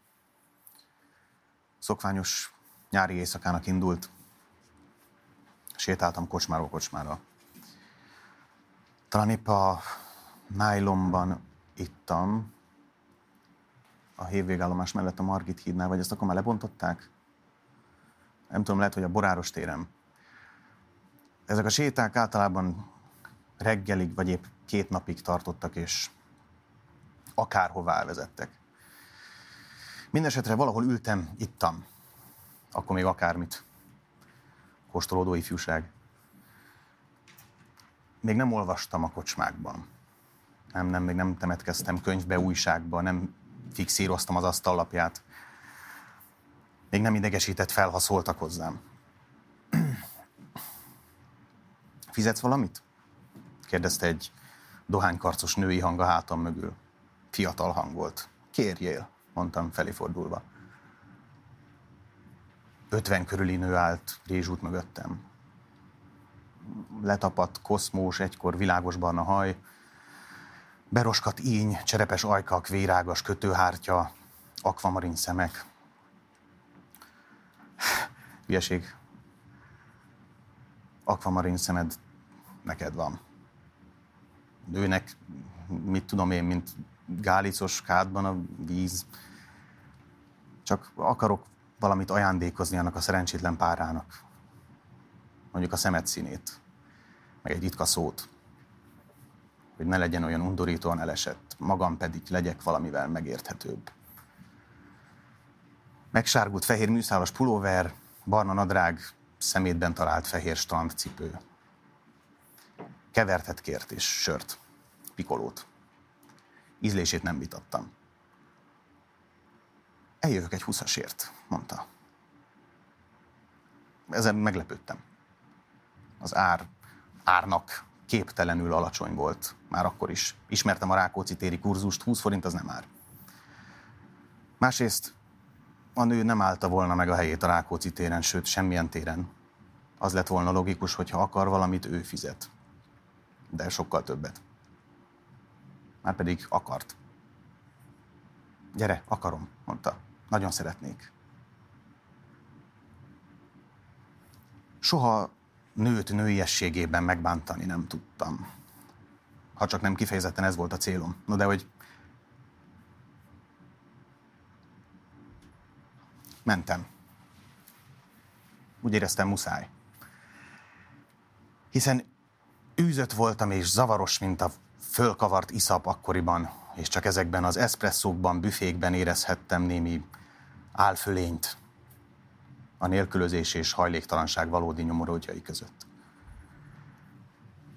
Sokáig vonszolt egy hosszú utcán, hozzám bújt. Ez kínos volt, de szerves része a törlesztésnek. Átöleltem. Egy pincében kötöttünk ki, nagyon sok lépcsőt mehettünk lefelé valami nem tudni honnan derengés félében. Az ágy befilcesedett vatelin darabokból összekotort alom. Nem vetközött, csak megoldotta, lejjebb tolta magáról a nadrágját. Így szoktam meg, ha bokor alatt dugok, mondta közvetlenül. Nem volt ellenemre, magam is csak a legszükségesebb mértékben, meg a zakómat dobtam le. Inkább legyen koszos, mint gyűrött. Csókolj meg, mondta. Hát igen, ez elkerülhetetlen. Avas szájszaga volt. Ajka pikkelyes nyelve szájpadlása száraz, mintha egy kiürült szardiniás dobozban kotorászna a nyelven, mindjárt fölvérzi az éles perem. Hát rettegtem, hogy menten a szájába hányok. Ettől viszont röhöghetnékem támadt.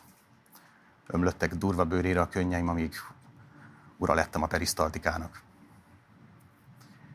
A lába köze szűk, száraz, alig tágul, alig se nedvesedik. Várjál, mondta, és belevájt ujjaival egy megkezdett margarinba. Magába masszírozta, aztán még egy adagot. Enni is fog még ebből?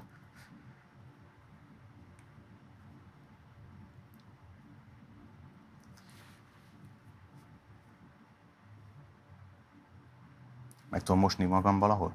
Kérdeztem később. Úgy csőcsonkra mutatott. Kirövelt a víz, merő lusok lett a nadrágom, mint a behogyoztam volna.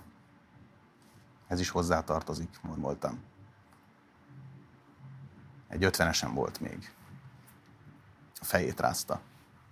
Mondtam, hogy egy huszas, és ez nem az ára. Én akartam a huszas, meg egyszerűen kell. Akkor adj vissza, mondtam. Értsd meg, nincs huszasom. Hülye vagy, mondta. Ha vissza tudnék adni ötvenből, nem kéne a huszasod, mondta logikusan. És a következő pillanatban elaludt, nyitott szájjal. Vállat vontam. Ha ilyen büszke vagy, zsebre gyűrtem az ötvenest, megtaláltam az akóm, és botorkáltam fel a lépcsőn. Hogy elérjek a napsütötte sávig. Hol drapruhám fehér ingem világít. Csorba lépcsőkön fel a tisztaságig odahol szélzúg, fehér tajték sistereg. Komoran feloldoz, közömbösen fenyeget. Émeigés lépcsei. Fogyni nem akaró mínusz emeletek. Nyári hajnal.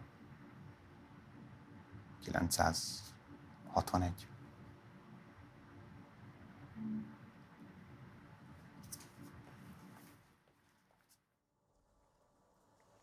És folytatjuk a műsort innen a stúdióból. Itt ül már velem Sejem Zsuzsa, író, történész, egyetemi oktató, szervusz, és Turi Tíme a költő, a magvető kiadó főszerkesztője, szervusz. Köszönöm, hogy elfogadtatok a meghívásomat.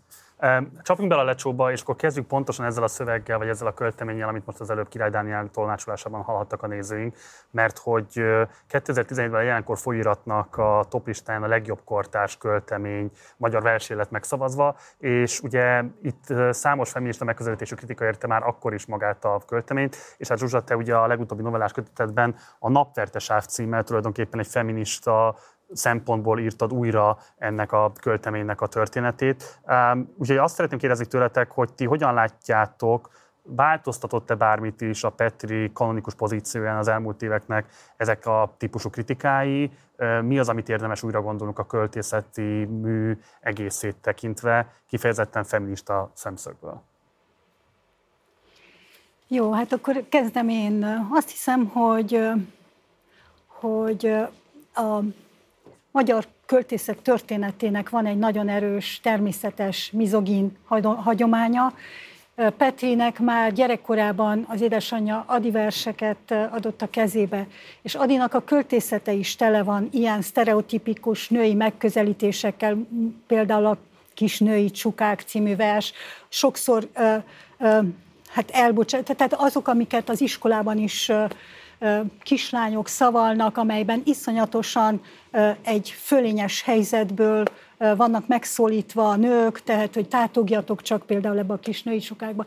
De utána mondhatjuk, szóval, hogy eljutok Petrihez nagyon gyorsan, Szabó Lőrincnek a Semmiért egészen című verset a lányom Semmiért nagyonra írta át, ami egy kicsit már viccesebb, és hogy Petri is bizonyos írásaiban ezt a dolgot, annyi mindent reflektált a saját pály, gondolkodásában, nagyon kemény társadalomkritikát, nagyon kemény politikai nyilvánosságkritikát művelt. Ő, ő az, aki, akit mindig hát példaként emlegetünk, mint aki egy egy nagyon durva cenzurális közegben, szamizdatban adja ki a verseit.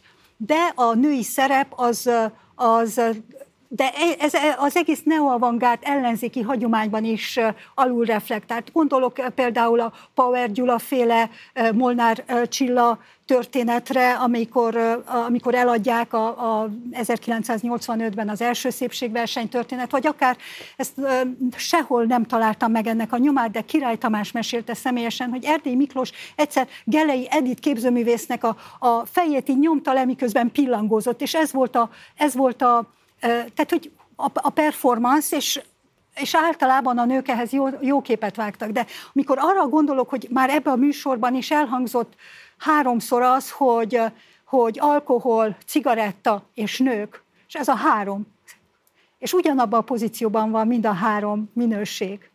Nem tudom, ezt így érted-e, Marci? Ja, értem, szerintem te, nem Te mondtad először de... ö, ö, éppen, utána meg, meg is... A sztereotípiákra utaltunk. Így, így, így van, így van, de hogy... Nem pedig jellemzésként mondtuk az életműre.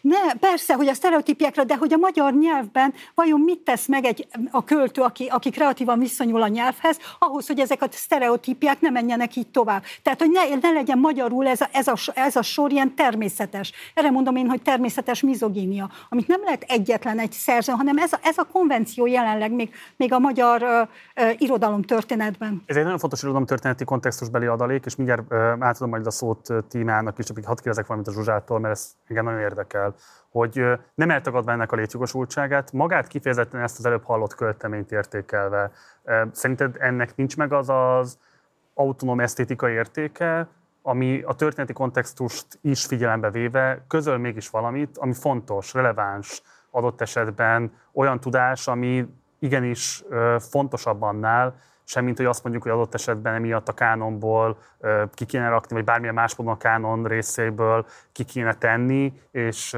inkább ezt a nézőpontot kéne érvényesíteni a Petri olvasásával kapcsolatban, semmint azt, hogy ennek a sajátos esztétikának a minőségét hordozzuk, vagy hagyományozzuk át a következő generációk számára. Ez egy őrült nagy vita, hogy az esztétika az felment etikából. Most ebben nem mennék. Direkt nem így fogalmaztam Tudom, meg, mert... de próbálom röviden, hogy legyen időm azért érvelni. Nem azt mondom, e, különösebben nem is az az érdekes, hogy, hogy mik a hivatal, mi volna a hivatalos kánon, hanem arról van szó, hogy, hogy hogyan dolgozunk ezzel a kultúrával, amelyikben vagyunk, és ez nagyon sokszor nem az a, tehát hogy, hogyha mondjuk így történészként végignézel a, tudom, az utóbbi száz évre, a Kossuth díjasok az 50-es években ma már kiveszi jó szántából a kezébe, szóval, hogy akkoriban a kánon része volt, szóval, hogy ez nem, nem annyira érdekes. Az az érdekes, hogy mi történik ebben a versben. És én ezt legalább 20 évig ugyanolyan megrendült esztétikai élvezettel olvastam, mikor egyszer csak leesett, a, hogy, hogy, hogy csatlakoztam a hathoz. Amikor, amikor egy, tehát, mert hogy nekem is ebben a nyelvben kell valahogy megértenem és kifejeznem a gondolataimat, és a, a, amikor, amikor rájött, tehát az volt az a pont, Marci, amikor, amikor a, a lábjegyzetben az volt, hogy visszaveszi az akvamarin szemet, mert akvamarin szemed neked Igen. van. És akkor megképződik ezzel egy én-te viszony és egy én-ő viszony, és, szerint, és az én-ő viszonyban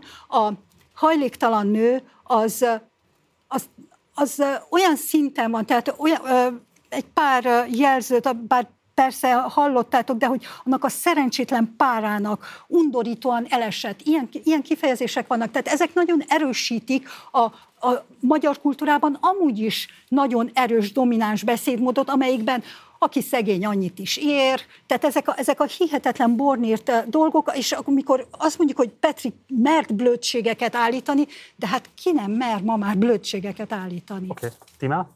Hát én, én, én azt hiszem a, a, az óvatosabb duhaj, nem tudom, álláspontot képviselem.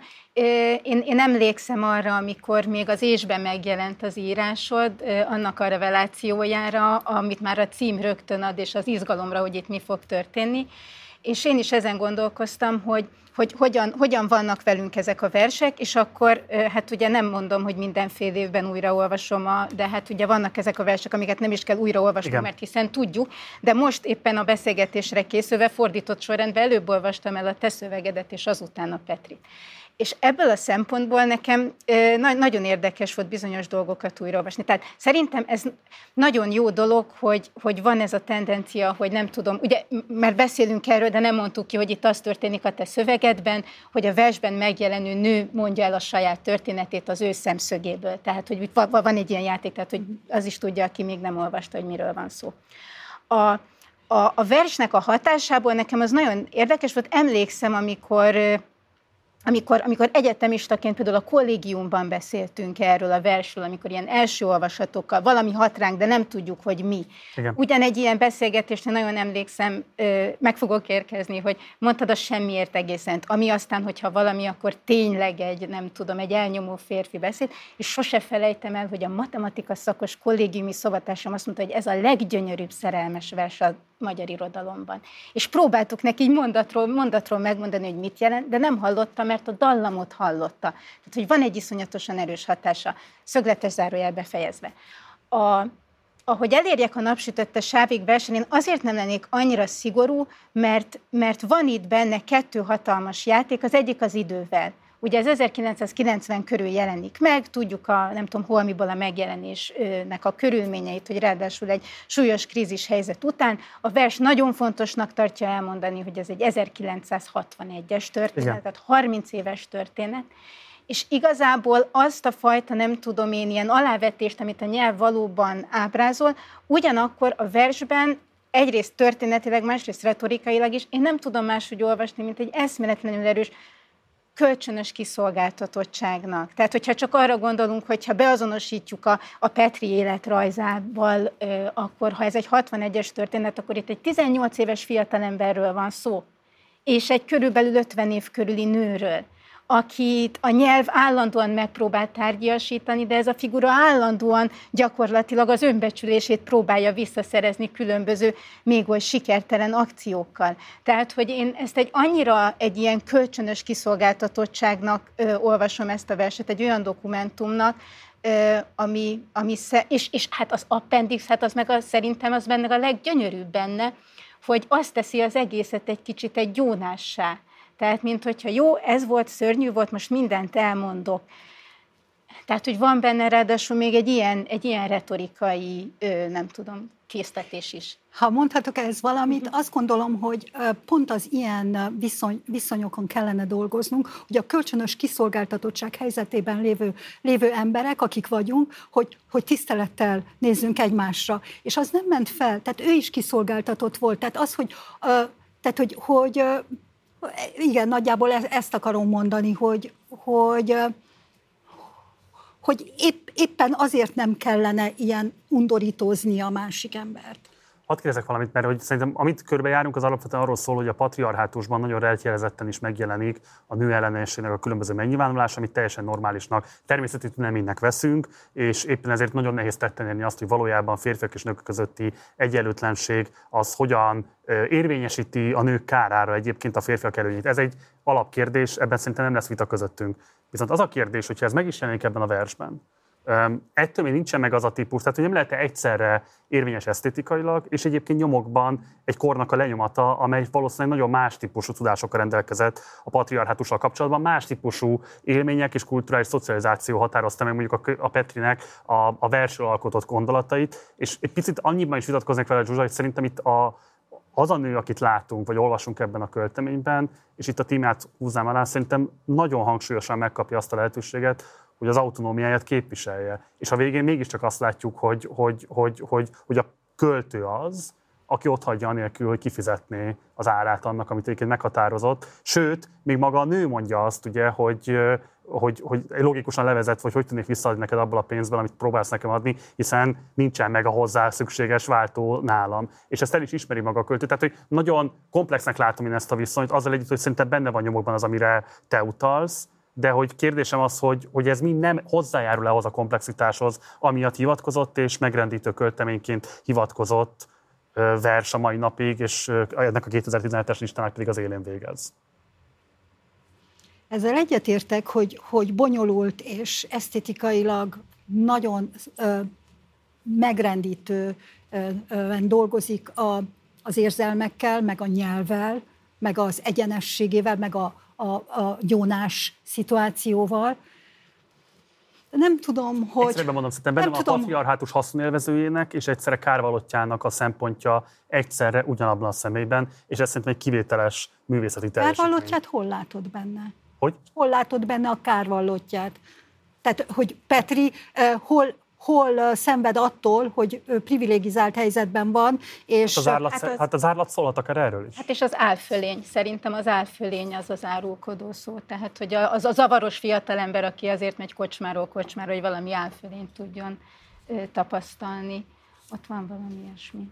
Van, van, van, de hogyha megnézed a többi, tehát hogy hány, mikor felsorolja, hogy szám szerint hány nője volt egy versben, vagy szóval, hogy azért, azért vannak kevésbé reflektáltak, és én ezt mind nem azért mondom, hogyha nem lenne, nem lenne izgalmas a Petri életműve, akkor nem fogom rááldozni az időmet, hogy, hogy, hogy megkonstruáljam ennek Persze, a történetnek a hajléktalan nő felüli történetét, hogy, hogy ő kicsoda lehet, és mi lehet vele. Okay. Tehát, hogy szemét adni, mert hogy tényleg egyébként a versből azért azt gondolom, hogy nekünk a magyar irodalmi hagyományból túlságosan természetes az, hogy egy nő megjelenik úgy, hogy úgy van jelzőzve, hogy undorító, meg, meg hogy szerencsétlen. Tehát, hogy ez, ez nem vonja vissza sehol e, e, ezeket a jelzőket. De ez jellemzi magát a jelzőnek a aggatóját is. A versben legalábbis. Nyilván. Hadd kérdezek valamit, akkor hadd, mert egy kicsit talán leragadtunk ennél a szövegnél, de általánosságban véve a Petri szerelmi körtészetéhez ti hogyan viszonyultok? Mit tartanátok fontosnak elmondani róla a nézők számára? Most te beszélj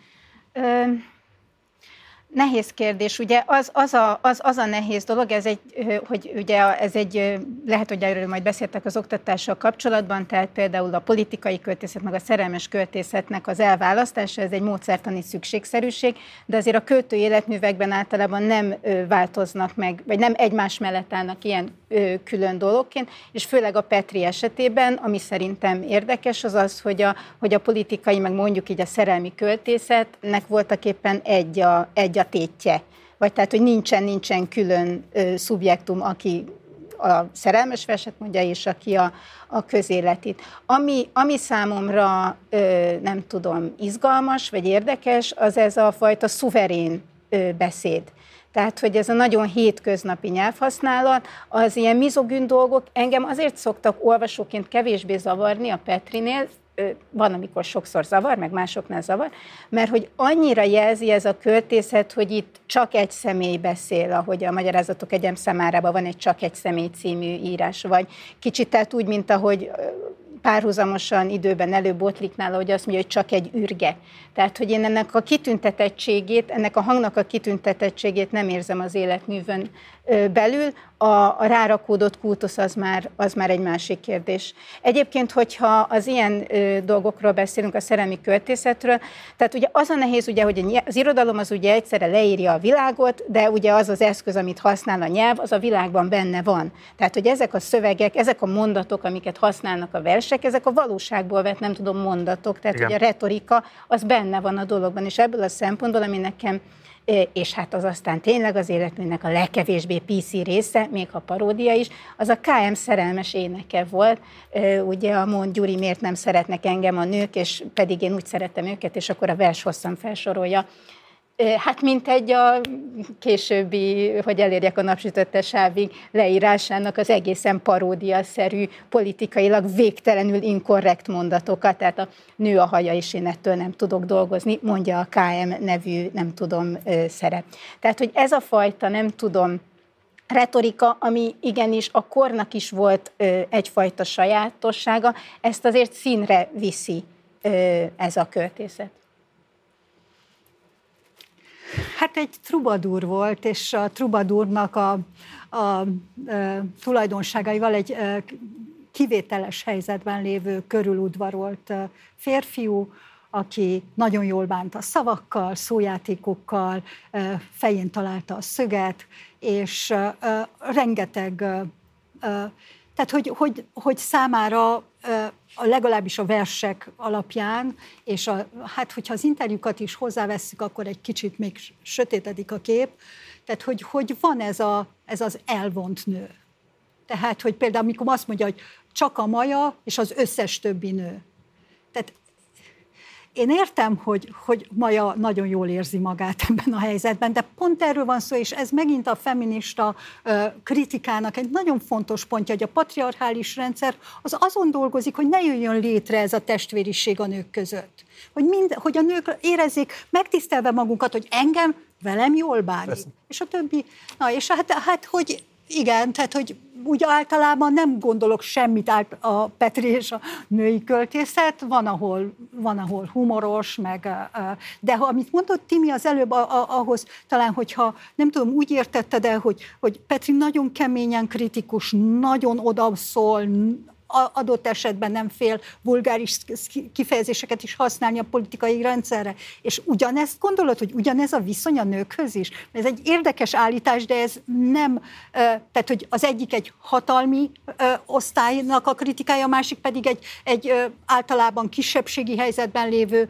nagyon nehezen megszólaló, nagyon nem figyelnek oda rájuk, tehát hogy úgy nem beszélnek a, a, a körükben lévő igazán izgalmas női alkotókról. Tehát egyszerűen, mintha, mintha nem lenne kortársa Takács Zsuzsa, vagy Benei Zsuzsa, vagy Székely Magda, tehát hogy, hogy egyszerűen, mintha ez, ez így de nincs, de hát hogy, a, hogy van, tehát, hogy a, hogy mondja a madács, hogy a, nem tudom, a bűne a Korea, mely szülte őt. Tehát, hogy, ah. hogy na- nagyon, nagyon nehéz, azt gondolom, tehát, Ezt hogy pont azért, mert madács. nem tudunk nagyon mondani el. Több is veszett madács.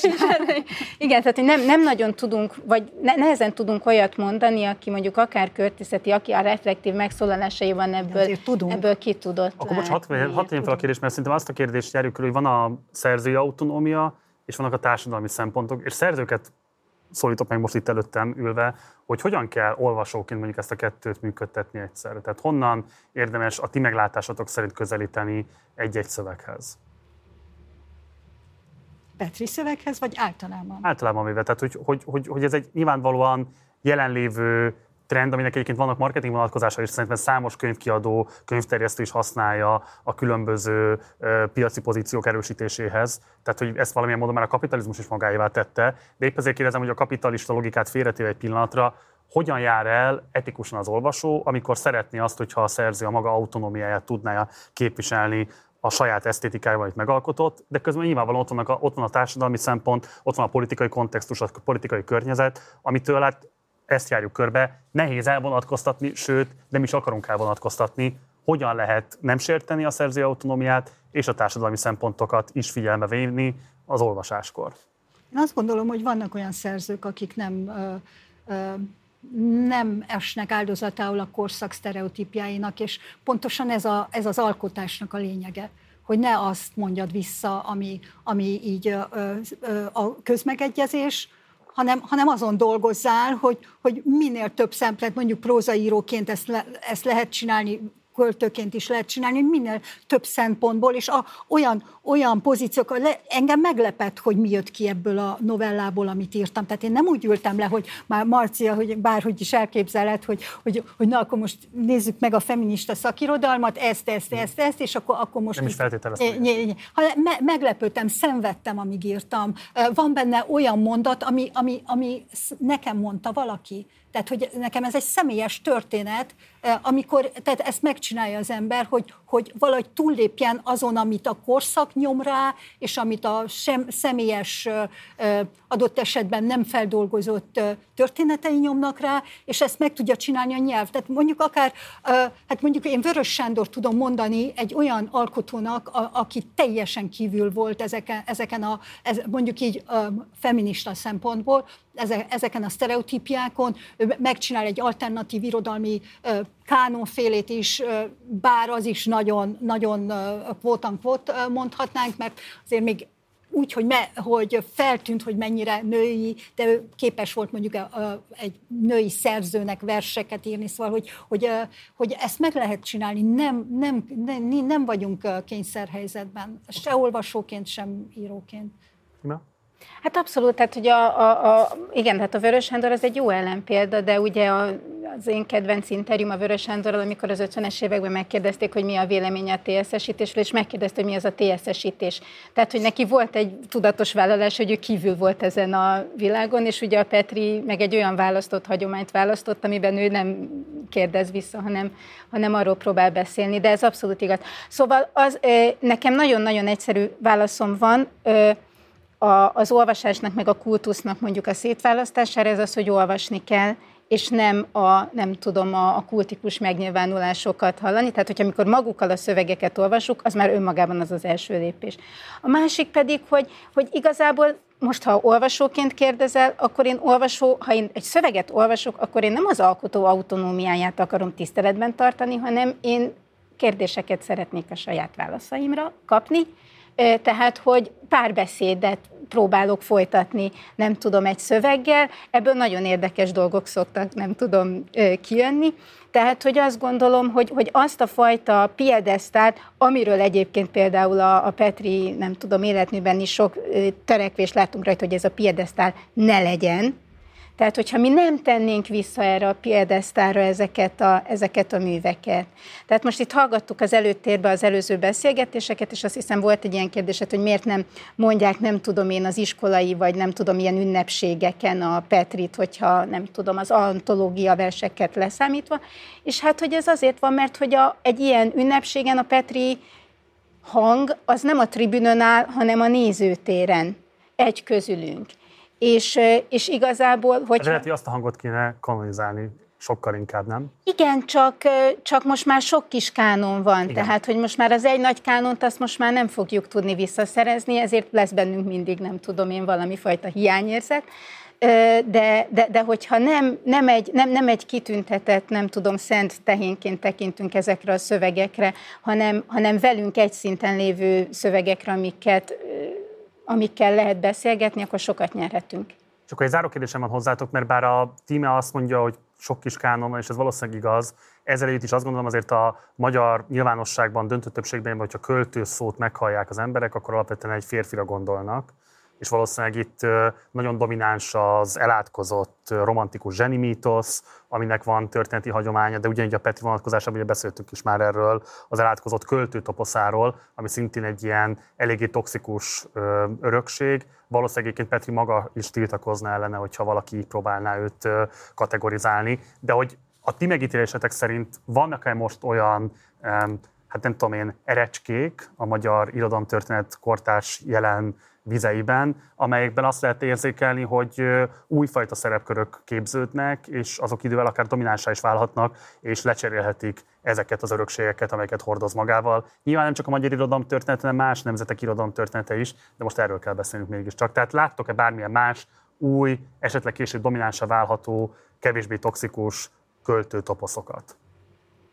Hát szerintem nem a dominanciára kell törekedni, hogyha művészetről beszélünk, hanem, hanem közös élményekre, és emiatt én egy kicsit sajnálom is, mert azért, azért az jó, hogyha ha van közös témánk, hogyha mindannyian olvastunk egy-egy verset. Igen.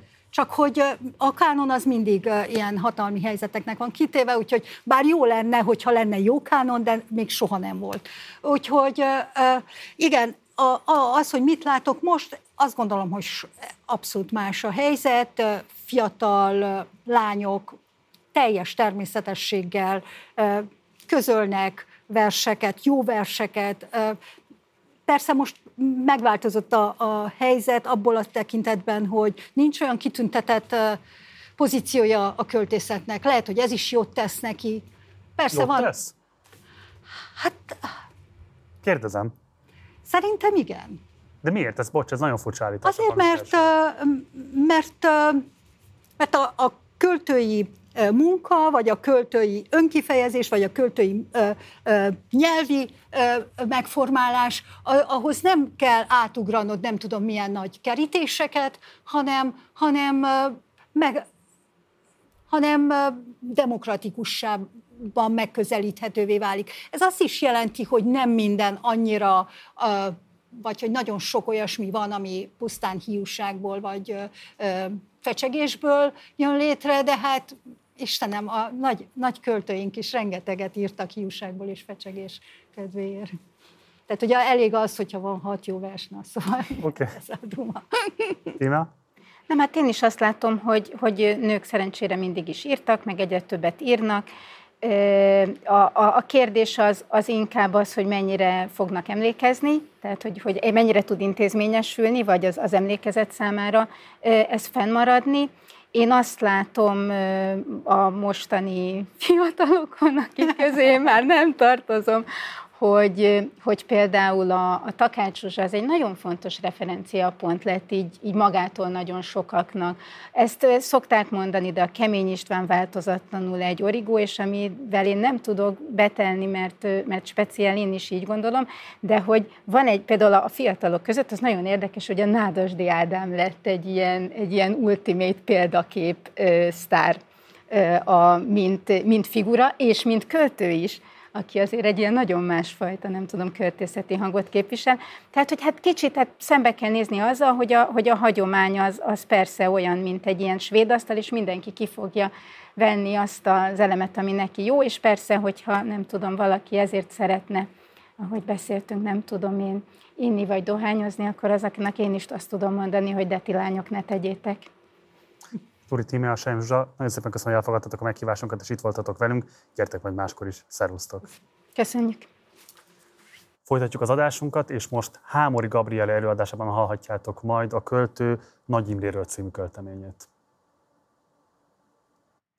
Személytelen voltál. Személytelen voltál, mint a többi zakós szemüveges vezér. Nem volt érces a hangod, mert nem tudtad, hogy mit is mondjál hirtelenjében a sok egybegyűltnek. Épp a hirtelenje volt szokatlan számodra.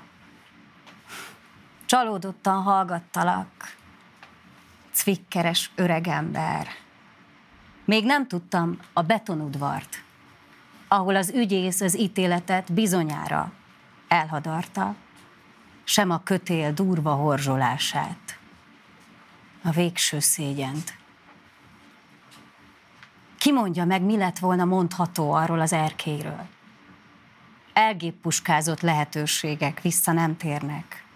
Börtön, halál nem köszörüli ki, a pillanat élit, ha kicsorbult. De emlékeznünk szabad a vonakodó, sértett, tétova férfira, akibe mégis fölszivároghatott dű, káprázat, országos vakremény, mikor arra ébredt a város, lövik szét.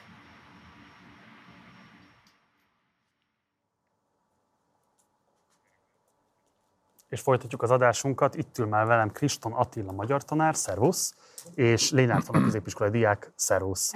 És alapvetően most ugye a Petrinek a középiskolai oktatásban való részvétel megjelenése, a költészetnek hatásáról fogunk majd beszélgetni. Attila, te neked magyar tanárként milyen lehetőség van arra, hogy megismerted a kortárs költészetet, és kifejezetten a Petrinek a költészetét a mostani diákokkal? Egy kicsit Ádám és Évától kezdem, ha nem baj, jó? Tehát, hogy... Bármikor kérlek. Madács nem már fölmerült az előző blogban. Igen, igen, arra is voltam. Szóval, hogy a, a általában a magyar tanári gyakorlat az az, ha mondjuk, hogy, hogy a, az az elvárt tananyag mennyiség, amit nekünk valahogyan meg kéne tanítani, ami, ami végig kéne vezetni a diákokat, az tarthatatlan. Tehát, hogy eljussunk a kortárs irodalomig, az szerintem az esetek 95%-ában egyszerűen kizárt. Úgyhogy ilyen kis kapukhoz kell folyamodni, vagy utakat kell használni ahhoz, hogy, hogy a diákoknak akár a saját korukban is élő szerzők szövegeivel találkoztathassuk. És Petri például ilyen, és erre ő különösen alkalmas ilyen, ilyen darabokban.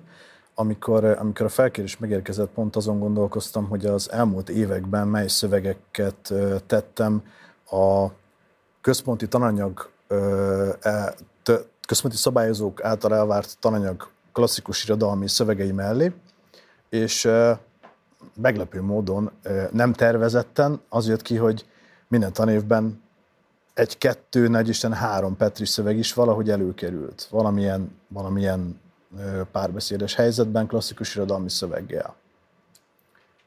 Valamennyire remélem válaszoltam kérdésre. De, de akkor tovább fűzöm egy picit, tehát hogy van egy ilyen elmélet szerintem, nem tudom, hogy elmélet lehet, csak gyakorlat, hogy kvázi a, a, a kortárs művészete való találkoztatása a középiskolai diákságnak az egyfajta ilyen kapudrog, tehát, hogy gyakorlatilag az, hogyha felfedezik azt, hogy az itt és mostról is tud szólni a művészet, az egyébként megképezheti bennük az érdeklődést a korábbi korok művészete irányába is. Ez a funkciója a kortárs művészettel és a kortárs költészettel való találkozásnak egy középiskolai diák esetében, vagy vannak ettől független, autonóm esztétikai szempontok is, vagy egyéb edukatív pedagógiai szempontok.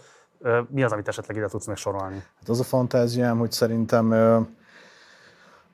teljes egészében ezt kijelenteni egy kicsit naivitás lenne, és egy kicsit Melyik talán álszent. A, a kérdésednek, vagy a megállapításodnak az első része. Az, hogy ez kapudrog. Lenne. Igen. Tehát, hogy teljes egészében kapudrog lenne a kortárs irodalom, az azért nehéz ügy. Tehát, ha akarok még idehozni még sztereotípiát, akkor a, a kortárs irodalom az, amit nem értek. És ez, ez nagyon sok átlagos diáknak a fejében szerintem általában megvan, de lehet, hogy majd egy másik nézőpontot is kapunk erről.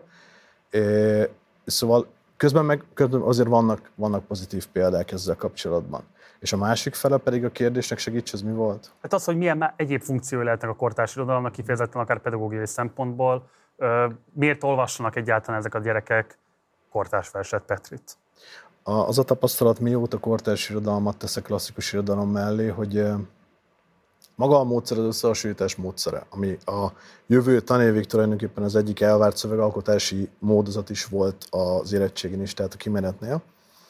A, az egyik legjobb módszer arra, hogy én hogy megértsek szöveget. Az, hogy én egymás viszonylatában, egymás tükrében olvasom a, nem tudom, esetünkben mondjuk a, a Shakespeare monológot, a 20. századi magyar szerzőnek a, a lírai szövegével. Vagy nem is tudom, drámai monológiával, hogyha már műfai kategóriába akarjuk ezt rakni. Tehát az összehasonlítás, mint módszer, egy nagyon, nagyon hatékony, én azt gondolom, hogy a leghatékonyabb. Ebből következhetne egy másik, ami, ami, ami igazából szerintem csak egy vágyábrán nagyon sokszor, hogy, hogy a, a tananyag általában kronológikusan rendeződik el. Tehát elindulunk valahol az ókorban, Homér a szélpaszoktól, és a középen haladunk a Biblián keresztül, középkor, reneszánsz, stb. stb.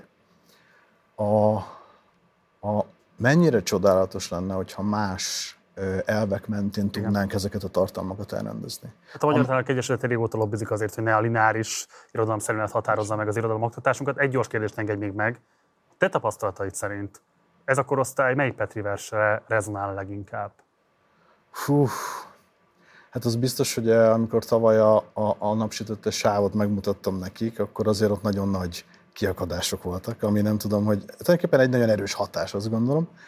Ö, ö, A, az apokrifre lehet, hogy nem. Az nekem volt a kamaszkoromban egy meghatározó kapudrok Petri költészete felé, ahogy zakatol a Szent Család, Isten tömi Máriát. Ez mennyire menő, mennyire, mennyire bátor, mennyire... Szóval ott, ott, döntögető így van, ott, ott nagyon, nagyon, nagyon nagy hatással volt. Szerintem ez manapság nincs annyira. Ö, nem nagyon találkoznak vele. Tehát arra a, a hagyományos keretben nincs nagyon lehetőség, hogy Petrinek az életművét teljes egészében tanítsuk. Arra van, hogy egy-két szöveg tanévenként előkerüljön. És akkor azzal mondjuk attól függően persze, hogy mennyit enged a, a Nemzeti Alap tanterv és az egyéb ö, ö, dokumentumok, egy vagy kettő óra különböző szintű mélységig lehet foglalkozni ezzel a szöveggel, de hát egy összehasonlítás eleve két, három, négy, és mehetnék még fölfelé, hány óráig tarthat két ilyen szöveg összehasonlítása. Hanna, számodra mi az, ami izgalmas Petri költészetében? Egyáltalán te például mondjuk hogyan viszonyulsz a napsütötte ávara kérdéskörhöz? Talán ami, ami engem nagyon megfogott Petriben, az, az már a, az az előbb verbalizált bátorsága. Az a szókimondóság, profánság, ami alapvetően nem vonz, de nagyon érdekel. És szerintem nagyon figyelemfelkeltő. Amikor, uh, amikor először olvastam Petrit, azt hiszem, hogy, azt hiszem, hogy talán az apokrif volt az első szöveg. Na, tessék. Uh, Én biztos vagyok benne, hogy megbotránkoztam, de abszolút az első fogadtatása számomra a szövegnek nem volt pozitív, de, de borzasztóan izgalmasnak találtam. Elképesztően izgalmasnak. Miért, bocsáss meg? Azon kívül, hogy igen, tabusértő vagy tabu döntő? Igen, igen, ezért, mert nem igazán láttam erre előtte példát. Uh-huh. És más szöveg mi volt, ami ilyen szempontból jelentősebb hatást váltott ki benned? A, a Hamlet, Hamlet monológia. Hamlet monológia. Abszolút. A, ezzel a szintén nagyon intenzív kezdéssel, és uh, azzal a borzasztó finom szállazással, ahogy össze van kötve az ősszöveggel a, a Hamlettel, ez, ez elképesztő. Nagyon-nagyon-nagyon szeretem. És a te tapasztalatod szerint a korosztálytársaid körében inkább azoknak van felismerése Petrivel kapcsolatban, akinek van eleve közéleti érdeklődése, vagy ellenkezőleg azok is tudnak kapcsolódni hozzá, akik egyáltalán nem politikusak? Teljesen őszinte legyek, akármilyen uh, elkeserítően is hangozhat, mind a kettőre egy-egy példám tehát uh, teljesen legában vagyunk. És egyik vagy másik példa, melyik vershez kapcsolódott leginkább? Tehát mikor akik közéletileg, nem tudom én, kiélezettebbek, azok mit olvasnak szívesen szerinted Petritől, illetve pont akik nem, azok mit olvasnak Petritől? Az utóbbira tudok konkrétan válaszolni, a, a, a sci szerelemre kaptam egy ajánlást ilyen iskolafolyosón 10 perces szünetben, ilyen elképesztő nagy elhitatta, hogy ez mennyire jó, és hogy mennyire, és úristen. Úgyhogy ta- talán az, amit ki tudnék emelni. Attila, mennyire kell máshogy tanítani Petrit, mint más kortársakat? Tehát akár mondjuk az apokrifnak mondjuk a behozattal a ö, iskolai keretek közé, én azt gondolom, hogy ez a mai Magyarországon függelemsértés számba is vehet, mehet akár. Nem, Ne nem tippeket, gondoltam jó, még bele ebbe így, de értem, hogy, hogy mi, mi az oka annak, hogy ezt mondod. Nagyon sokféle módon lehet szerintem használni egy kortárs szöveget.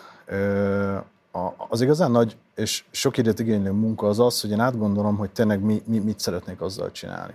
Tehát mondjuk egy, egy apokrif a maga nagyon-nagyon erőteljes négy sorával, ö, amúgy pont a Hamlet monológia is ilyen a maga egyetlen egy első négy vagy öt soros mondatával, ö, esetében is erről van szó, ezt én hogyan tudom az üdv történetbe, üdvtörténet mellé tenni. Hogyan tudom, ahogyan tudok párbeszédet létrehozni, hogyan tudok kapcsolatokat létrehozni, hogyan tudom láttatni ezeket a kapcsolatokat, amik nyilvánvalóan megvannak a szövegek között, hiszen Petri ö, költészete, költészeténél nagyon tudatos a, a, ezen ősszövegeknek a használata és a köztük létrejövő párbeszéd, a tisztelgés és a provokáció állandó együttes jelenléte ellenére is.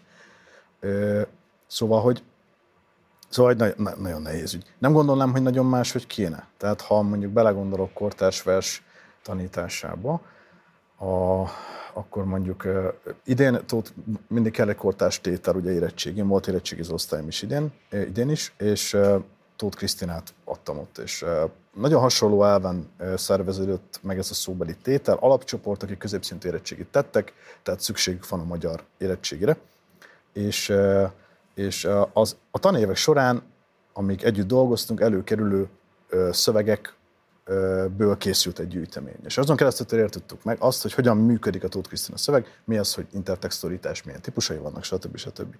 Petrinél ezt konkrétan még nem csináltam, de nagyon hasonlóan tudom ezt elképzelni, hogy így szerveződik. De akkor beszéljünk kicsit a Hamlet monológiáról, mert ezt hoztátok igazából az adásba, és a Hanna már említett, hogy ezt vettétek az órán is. Kicsit meséljétek el kérlek a nézők számára, tehát hogy néz ki egy olyan óra, amelyben a Petri Hamlet monológiát elemzitek, vagy dolgozzátok föl?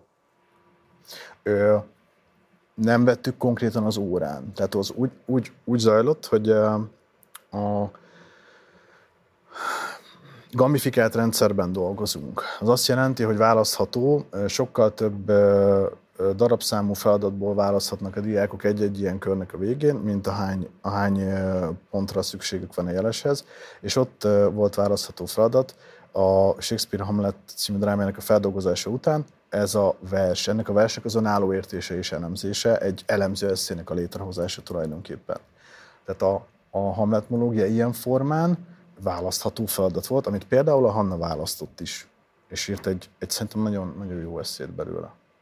Mi volt ennek az eszének a legfontosabb állítás, és miért meg emlékezetesként a számodra ez a szöveg, Hanna? Szerintem talán a, a tételmondat az volt, hogy,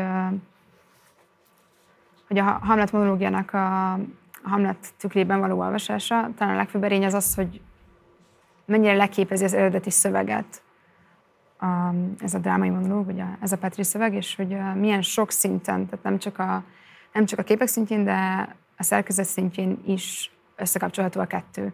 És ezeket a, ezeket a motivumokat fejtettem fel ebben az eszében. És ezzel az állítással a szövegnek, ami ugye a versnek az árlata, hogy most hogy, vége, most, hogy így a vége felé vagyok, nem igazságot ölni akarok. Ezzel mit kezd egy fiatalember? Hát rávetíti a Hamletre. Én, én, én egy...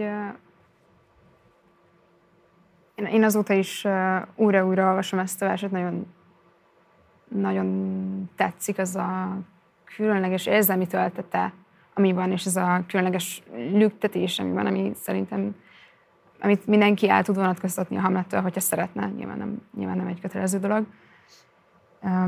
Úgyhogy én nyilván az eszé erejéig rávetítettem a Hamletre, egy, egy lehetséges olvasat, egy olyan új olvasatot nyitott meg előttem, ami mondjuk előtt nekem, nekem nem volt meg, amikor a művet dolgoztuk fel, de hogy aztán, ahogy, ahogy eltelt egy kis idő, és újra-újra olvastam a szöveget, talán valamennyire abszoláltam, és magamével tettem sajátommal. Arra egy kicsit képet kérlek, hogy amúgy egyébként milyen típusú kortárs szövegeket olvas, vagy ki az a kortárs szerző, aki mondjuk például ilyen szempontból fontos a számodra? Um, kortárs költészetet azt, azt leginkább uh, antológiák formájában fogyasztok. Aki a kortársok közül személyesen nagyon megfog engem, az, az Grecsó Krisztián és az ő lírája, illetve a, ez az ilyen lírai uh, zenei munkasság, az, az az én szívem, az nagyon közel áll. Attila, kicsit beszélj még kérlek arról, hogy amúgy a, a Petri költészete az mennyiben eszköze annak, hogy a történelmi korszakot is, amelyben meg tehát létrejöttek ezek a művek, el lehessen mesélni. Nyilván van egy erőteljes rendszerváltás előtti időszak, amihez felteszem, hogy a fiatal generációknak már kvázi tényleg semmilyen személyes kötődése nincs, vagy a családoknak is nagyon kevés kötődése lehet, vagy lehet, hogy ez már tényleg a legendáriumokba vésze. De van egy rendszerváltás utáni korszak is, amihez talán már talán több ilyen aktuálisabb köze lehet ezeknek a generációknak. Tehát, hogy ez mennyiben többlet a számodra, hogyha mondjuk Petrit veszel elő, hogy a történelmi kontextust is magyarázd és kifejtsd? Hát, hogyha tényleg így csinálnám, akkor az bizony nagyon sok többlet feladat lenne, azt hiszem. Aha. Ö, általában nem Petri felül indítok, hanem Petrinél kötök ki. Tehát, hogy indítok Petőfitől, és akkor kikötök a Horgoda tűztér uramnál. Indítok a, az antik római líránál, mondjuk a Tulusnál, és akkor nézzétek, ez így, így, így valósul meg, így jelenik meg, és így nyer új fajta jelentéseket a 20. századi modern irodalomban. Tehát nem jellemző nálam. Lehet, hogy ha történelem tanár lennék, akkor sokkal inkább jellemző lenne, a másik szakom az nem történelem. De sajnos, nem, nem tudom, hogy sajnos-e. Igen, azt hiszem, most azt gondolom, hogy sajnos. Mennyire jó lenne tőle indítani, és tőle magyarázni Petőfit, és Catulluszt, és Shakespeare-t, és nem tudom kit, mint hogy a tananyag, kötelező tananyag által elvárt szerzők és szövegek mentén kicsit ilyen, nem tudom, ok és okozat, vagy következményként Sajnos. Hát a Nemzeti Alaptanterv megalkotói felé valószínűleg ez a kérés nem is fog eh, figyelembevételre kerülni. Zárásként azt mindenképpen szeretném kérni tőletek, hogy a nézőink számára, ha ajánlanátok egy Pet, eh, Petri verset, akkor mi lenne az, hogy esetleg most itt az adástól ihletet kapva szeretnének lemenni a polcról, kikeresni a netről valamit, Ö, és kifejezetten azoknak ajánlatok verset, akik még soha eddig Petrivel nem találkoztak, most véletlenül belefutottak a Youtube-on, és azt mondják, hogy rendben van, adunk egy esélyt, mi legyen az a költemény, amit a kezükbe vegyenek, vagy a szemük elé vegyenek elsőként, Attila. Hú, hát amikor elkezdted a kérdést, az elején a, a napsütötte sávra gondoltam, ö, de ilyen sok, vagy, vagy egy-két feltétellel, hogy, hogy nem minimum, minimum háromszor el kell, hogy olvasd. És nem, nem ugyanazon a napon, és nem ugyanazon a napszakban, és egyszerűen időt kell szállni rá. Mert hogy, hogy ö, tehát ez kiemelkedően fantasztikus szöveg összességében. Én maradok ennél. Ha, ha jön még új ihlet, akkor amíg a Hanna is elmondja addig, akkor mondom. Én nekem a, talán a Horáciusnak rossz napja van. Egészen, egész egyszerűen ezért, mert szerintem szórakoztató. És egy, egy, fogás talán kapudról lehet. Lénárt Hanna, Kristina Attila, nagyon szépen köszönjük, hogy itt voltatok velünk, és mindezeket a szempontokat megosztottatok a nézőinkkel. Gyertek majd máskor is, minden jót nektek. Köszönjük szépen. Nektek pedig köszönöm szépen a figyelmeteket, az adásunk a végéhez közeled, de még nem ért véget, ugyanis érkezik most újra ide a stúdióba Pál András és Rost Tamás. A Kezdhetek folytatódni című önálló estjükből fognak most egy újabb részletet előadni, amiben Petri György verseiből építkeznek, úgyhogy ezzel zárjuk a mai emlékadásunkat. Munkatársaimban köszönöm szépen a megtisztelő figyelmeteket, következik Rost Tamás és Pál András.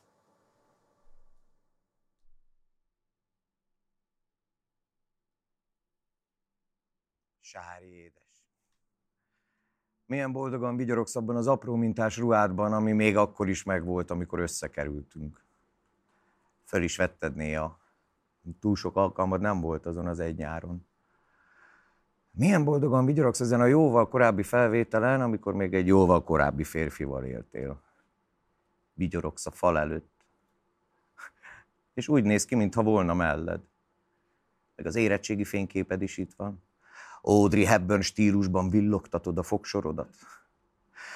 Azt az aprómintás kékfestő ruhádat oda ajándékoztad valami Zsófinak, vagy Zsókának? Az biztos, hogy egy kék bugyi volt rajtad, mert amikor a barátnőt felpróbálta a ruhád, le kellett, hogy vessed. A próbához persze neki is le kellett vetnie a magáét, megkért, hogy forduljál, légy szíves. Én természetesen elfordultam, természetesen a tükör felé, és összenéztünk a tükörben. Ő alig észrevehetően kacsintott, te észrevetted, és jellegzetesen megrándult a szád, de egy szót sem szóltál. Ő maradt a ruhádban, te fölvettél egy másikat. Csak az lehetett rajtad az a kék bugyi, mert az az az este volt, amikor rád zártam az ajtót, hogy magadra nyithasd a gázcsapot. És alig ha hiszem, hogy a boncmesterek tiszteletére nadrágot váltottál volna. Fú, de guszta egy bugyi volt. Utáltuk is mind a ketten. Te fölhúzni, én meg lesodorni rólad. De akkoriban 64-65 nem lehetett még kapni ezeket a mai poklokig herítő fehér nemüket. Amikor utoljára láttalak, a dögcédula ott volt a bokádon. Utált asszony neveddel. Milyen fiatalok voltunk. Én nem vagyok né, mondtad, és eldobtad a jegyűrűdet a Vidám presszóban, ahol először üldögéltünk együtt. Aztán a dögcédula a bokádon, és vigyorogtál. Vidoran, hamuszürkén, és én szerettem volna rád feküdni, lehúzni azt a bizonyos bugyit, a koporsó födelet meg magamra. Azok a szarbarna munkakoporsók, amikben az elföldelendő anyagot mozgatják. Mondtam valami hülyeséget a tetemeseknek, hogy engem is veled együtt. Ők megmondták, hogy kivel szórakozzak. Illetve az egyikük, az igazság kedvéért ezt hozzá kell tennem, azt mondta, hogy megérti a lelki állapotomat. A lelki áll a potom. Potomság. adtam a főhullásznak egy kilót, az akkor még pénz volt. Aztán a Simple Espresso-ban megvírattam tetemes mennyiség elfogyasztása után, és még ugyanaznap minden magyarázat nélkül kiléptem utolsó munkahelyemről, aztán egy másik eszpresszóban kiesett a kezemből a kávés csésze. De te most már örökre boldogan vigyorogsz, mint a széncsúzdára tévedt macska. Hat évvel később lapátoltuk ki a szén alól, és mosolygott. Te meg abban az apró mintás ruhádban, ami még akkor is megvolt, amikor összekerültünk.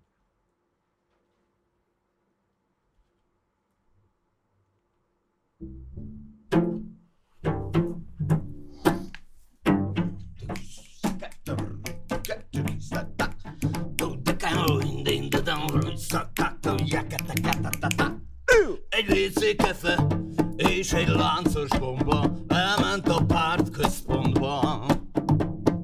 Bemutatkoztak a bátor Andrzej, a szorgos Vanda. Rájuk mordul a két pisztolyos őr. Merre? Honnan? Miről? Hol a paszport? Az ukáz? Szól bátor Andrzej, a láncos bomba, szépen kérlek, ne pofázz. Nekem robbanékony a természetem, már is bizsereg az ütőszekem. Szeketek, tek, tek, tek, tek, szólal a szorgos vanda. Vitéz úr, te fes alak, megcirogassanak. Ah, ah, ah. Több szarházi telefon bereg, forrósodnak a drótok, megy fölfele Andrzej, a bátor, megy fölfele Vanda, a szorgos. Kik vagytok, mit akartok? Kérdi az első titoknok, bíborlik a cékla feje. Én volnék a nép, így Andrzej, s Vanda szerényen, én a neje. És mit akartok? Így a titoknok vagyok tárgyalni kész. S felel Vanda, dolgoztam vakulásig, és mostan látom, szar az egész. Mm, Előlép Andrzej, sok beszéd nem kell. Harcoltam hatalomért, kürszöltem nyugalomért. De és nap szúg a tévé, mint rosszul lehúzott WC Súsznak a csészelében a kommentátorok Félek, hogy fölrobbanok főtitoknok erre a hangra Kirohantam márványgangra Haragjában kis hián beizélt mm, Benyakalt egy kis kurvoazét S energikusan visszatért Folyton laknátok, jól laknátok! Takarodjatok el, ti átkok! Míg ellenségeink malmára hajtjátok a nehéz vizet! Omolnak a szírtek, s ti szartok! Örökké csak élni akartok! Hogy kik az ellenségeink? akik nem mi vagytok. Ti mi, akik nem mi vagytok. Ti mind, akik nem mi vagytok.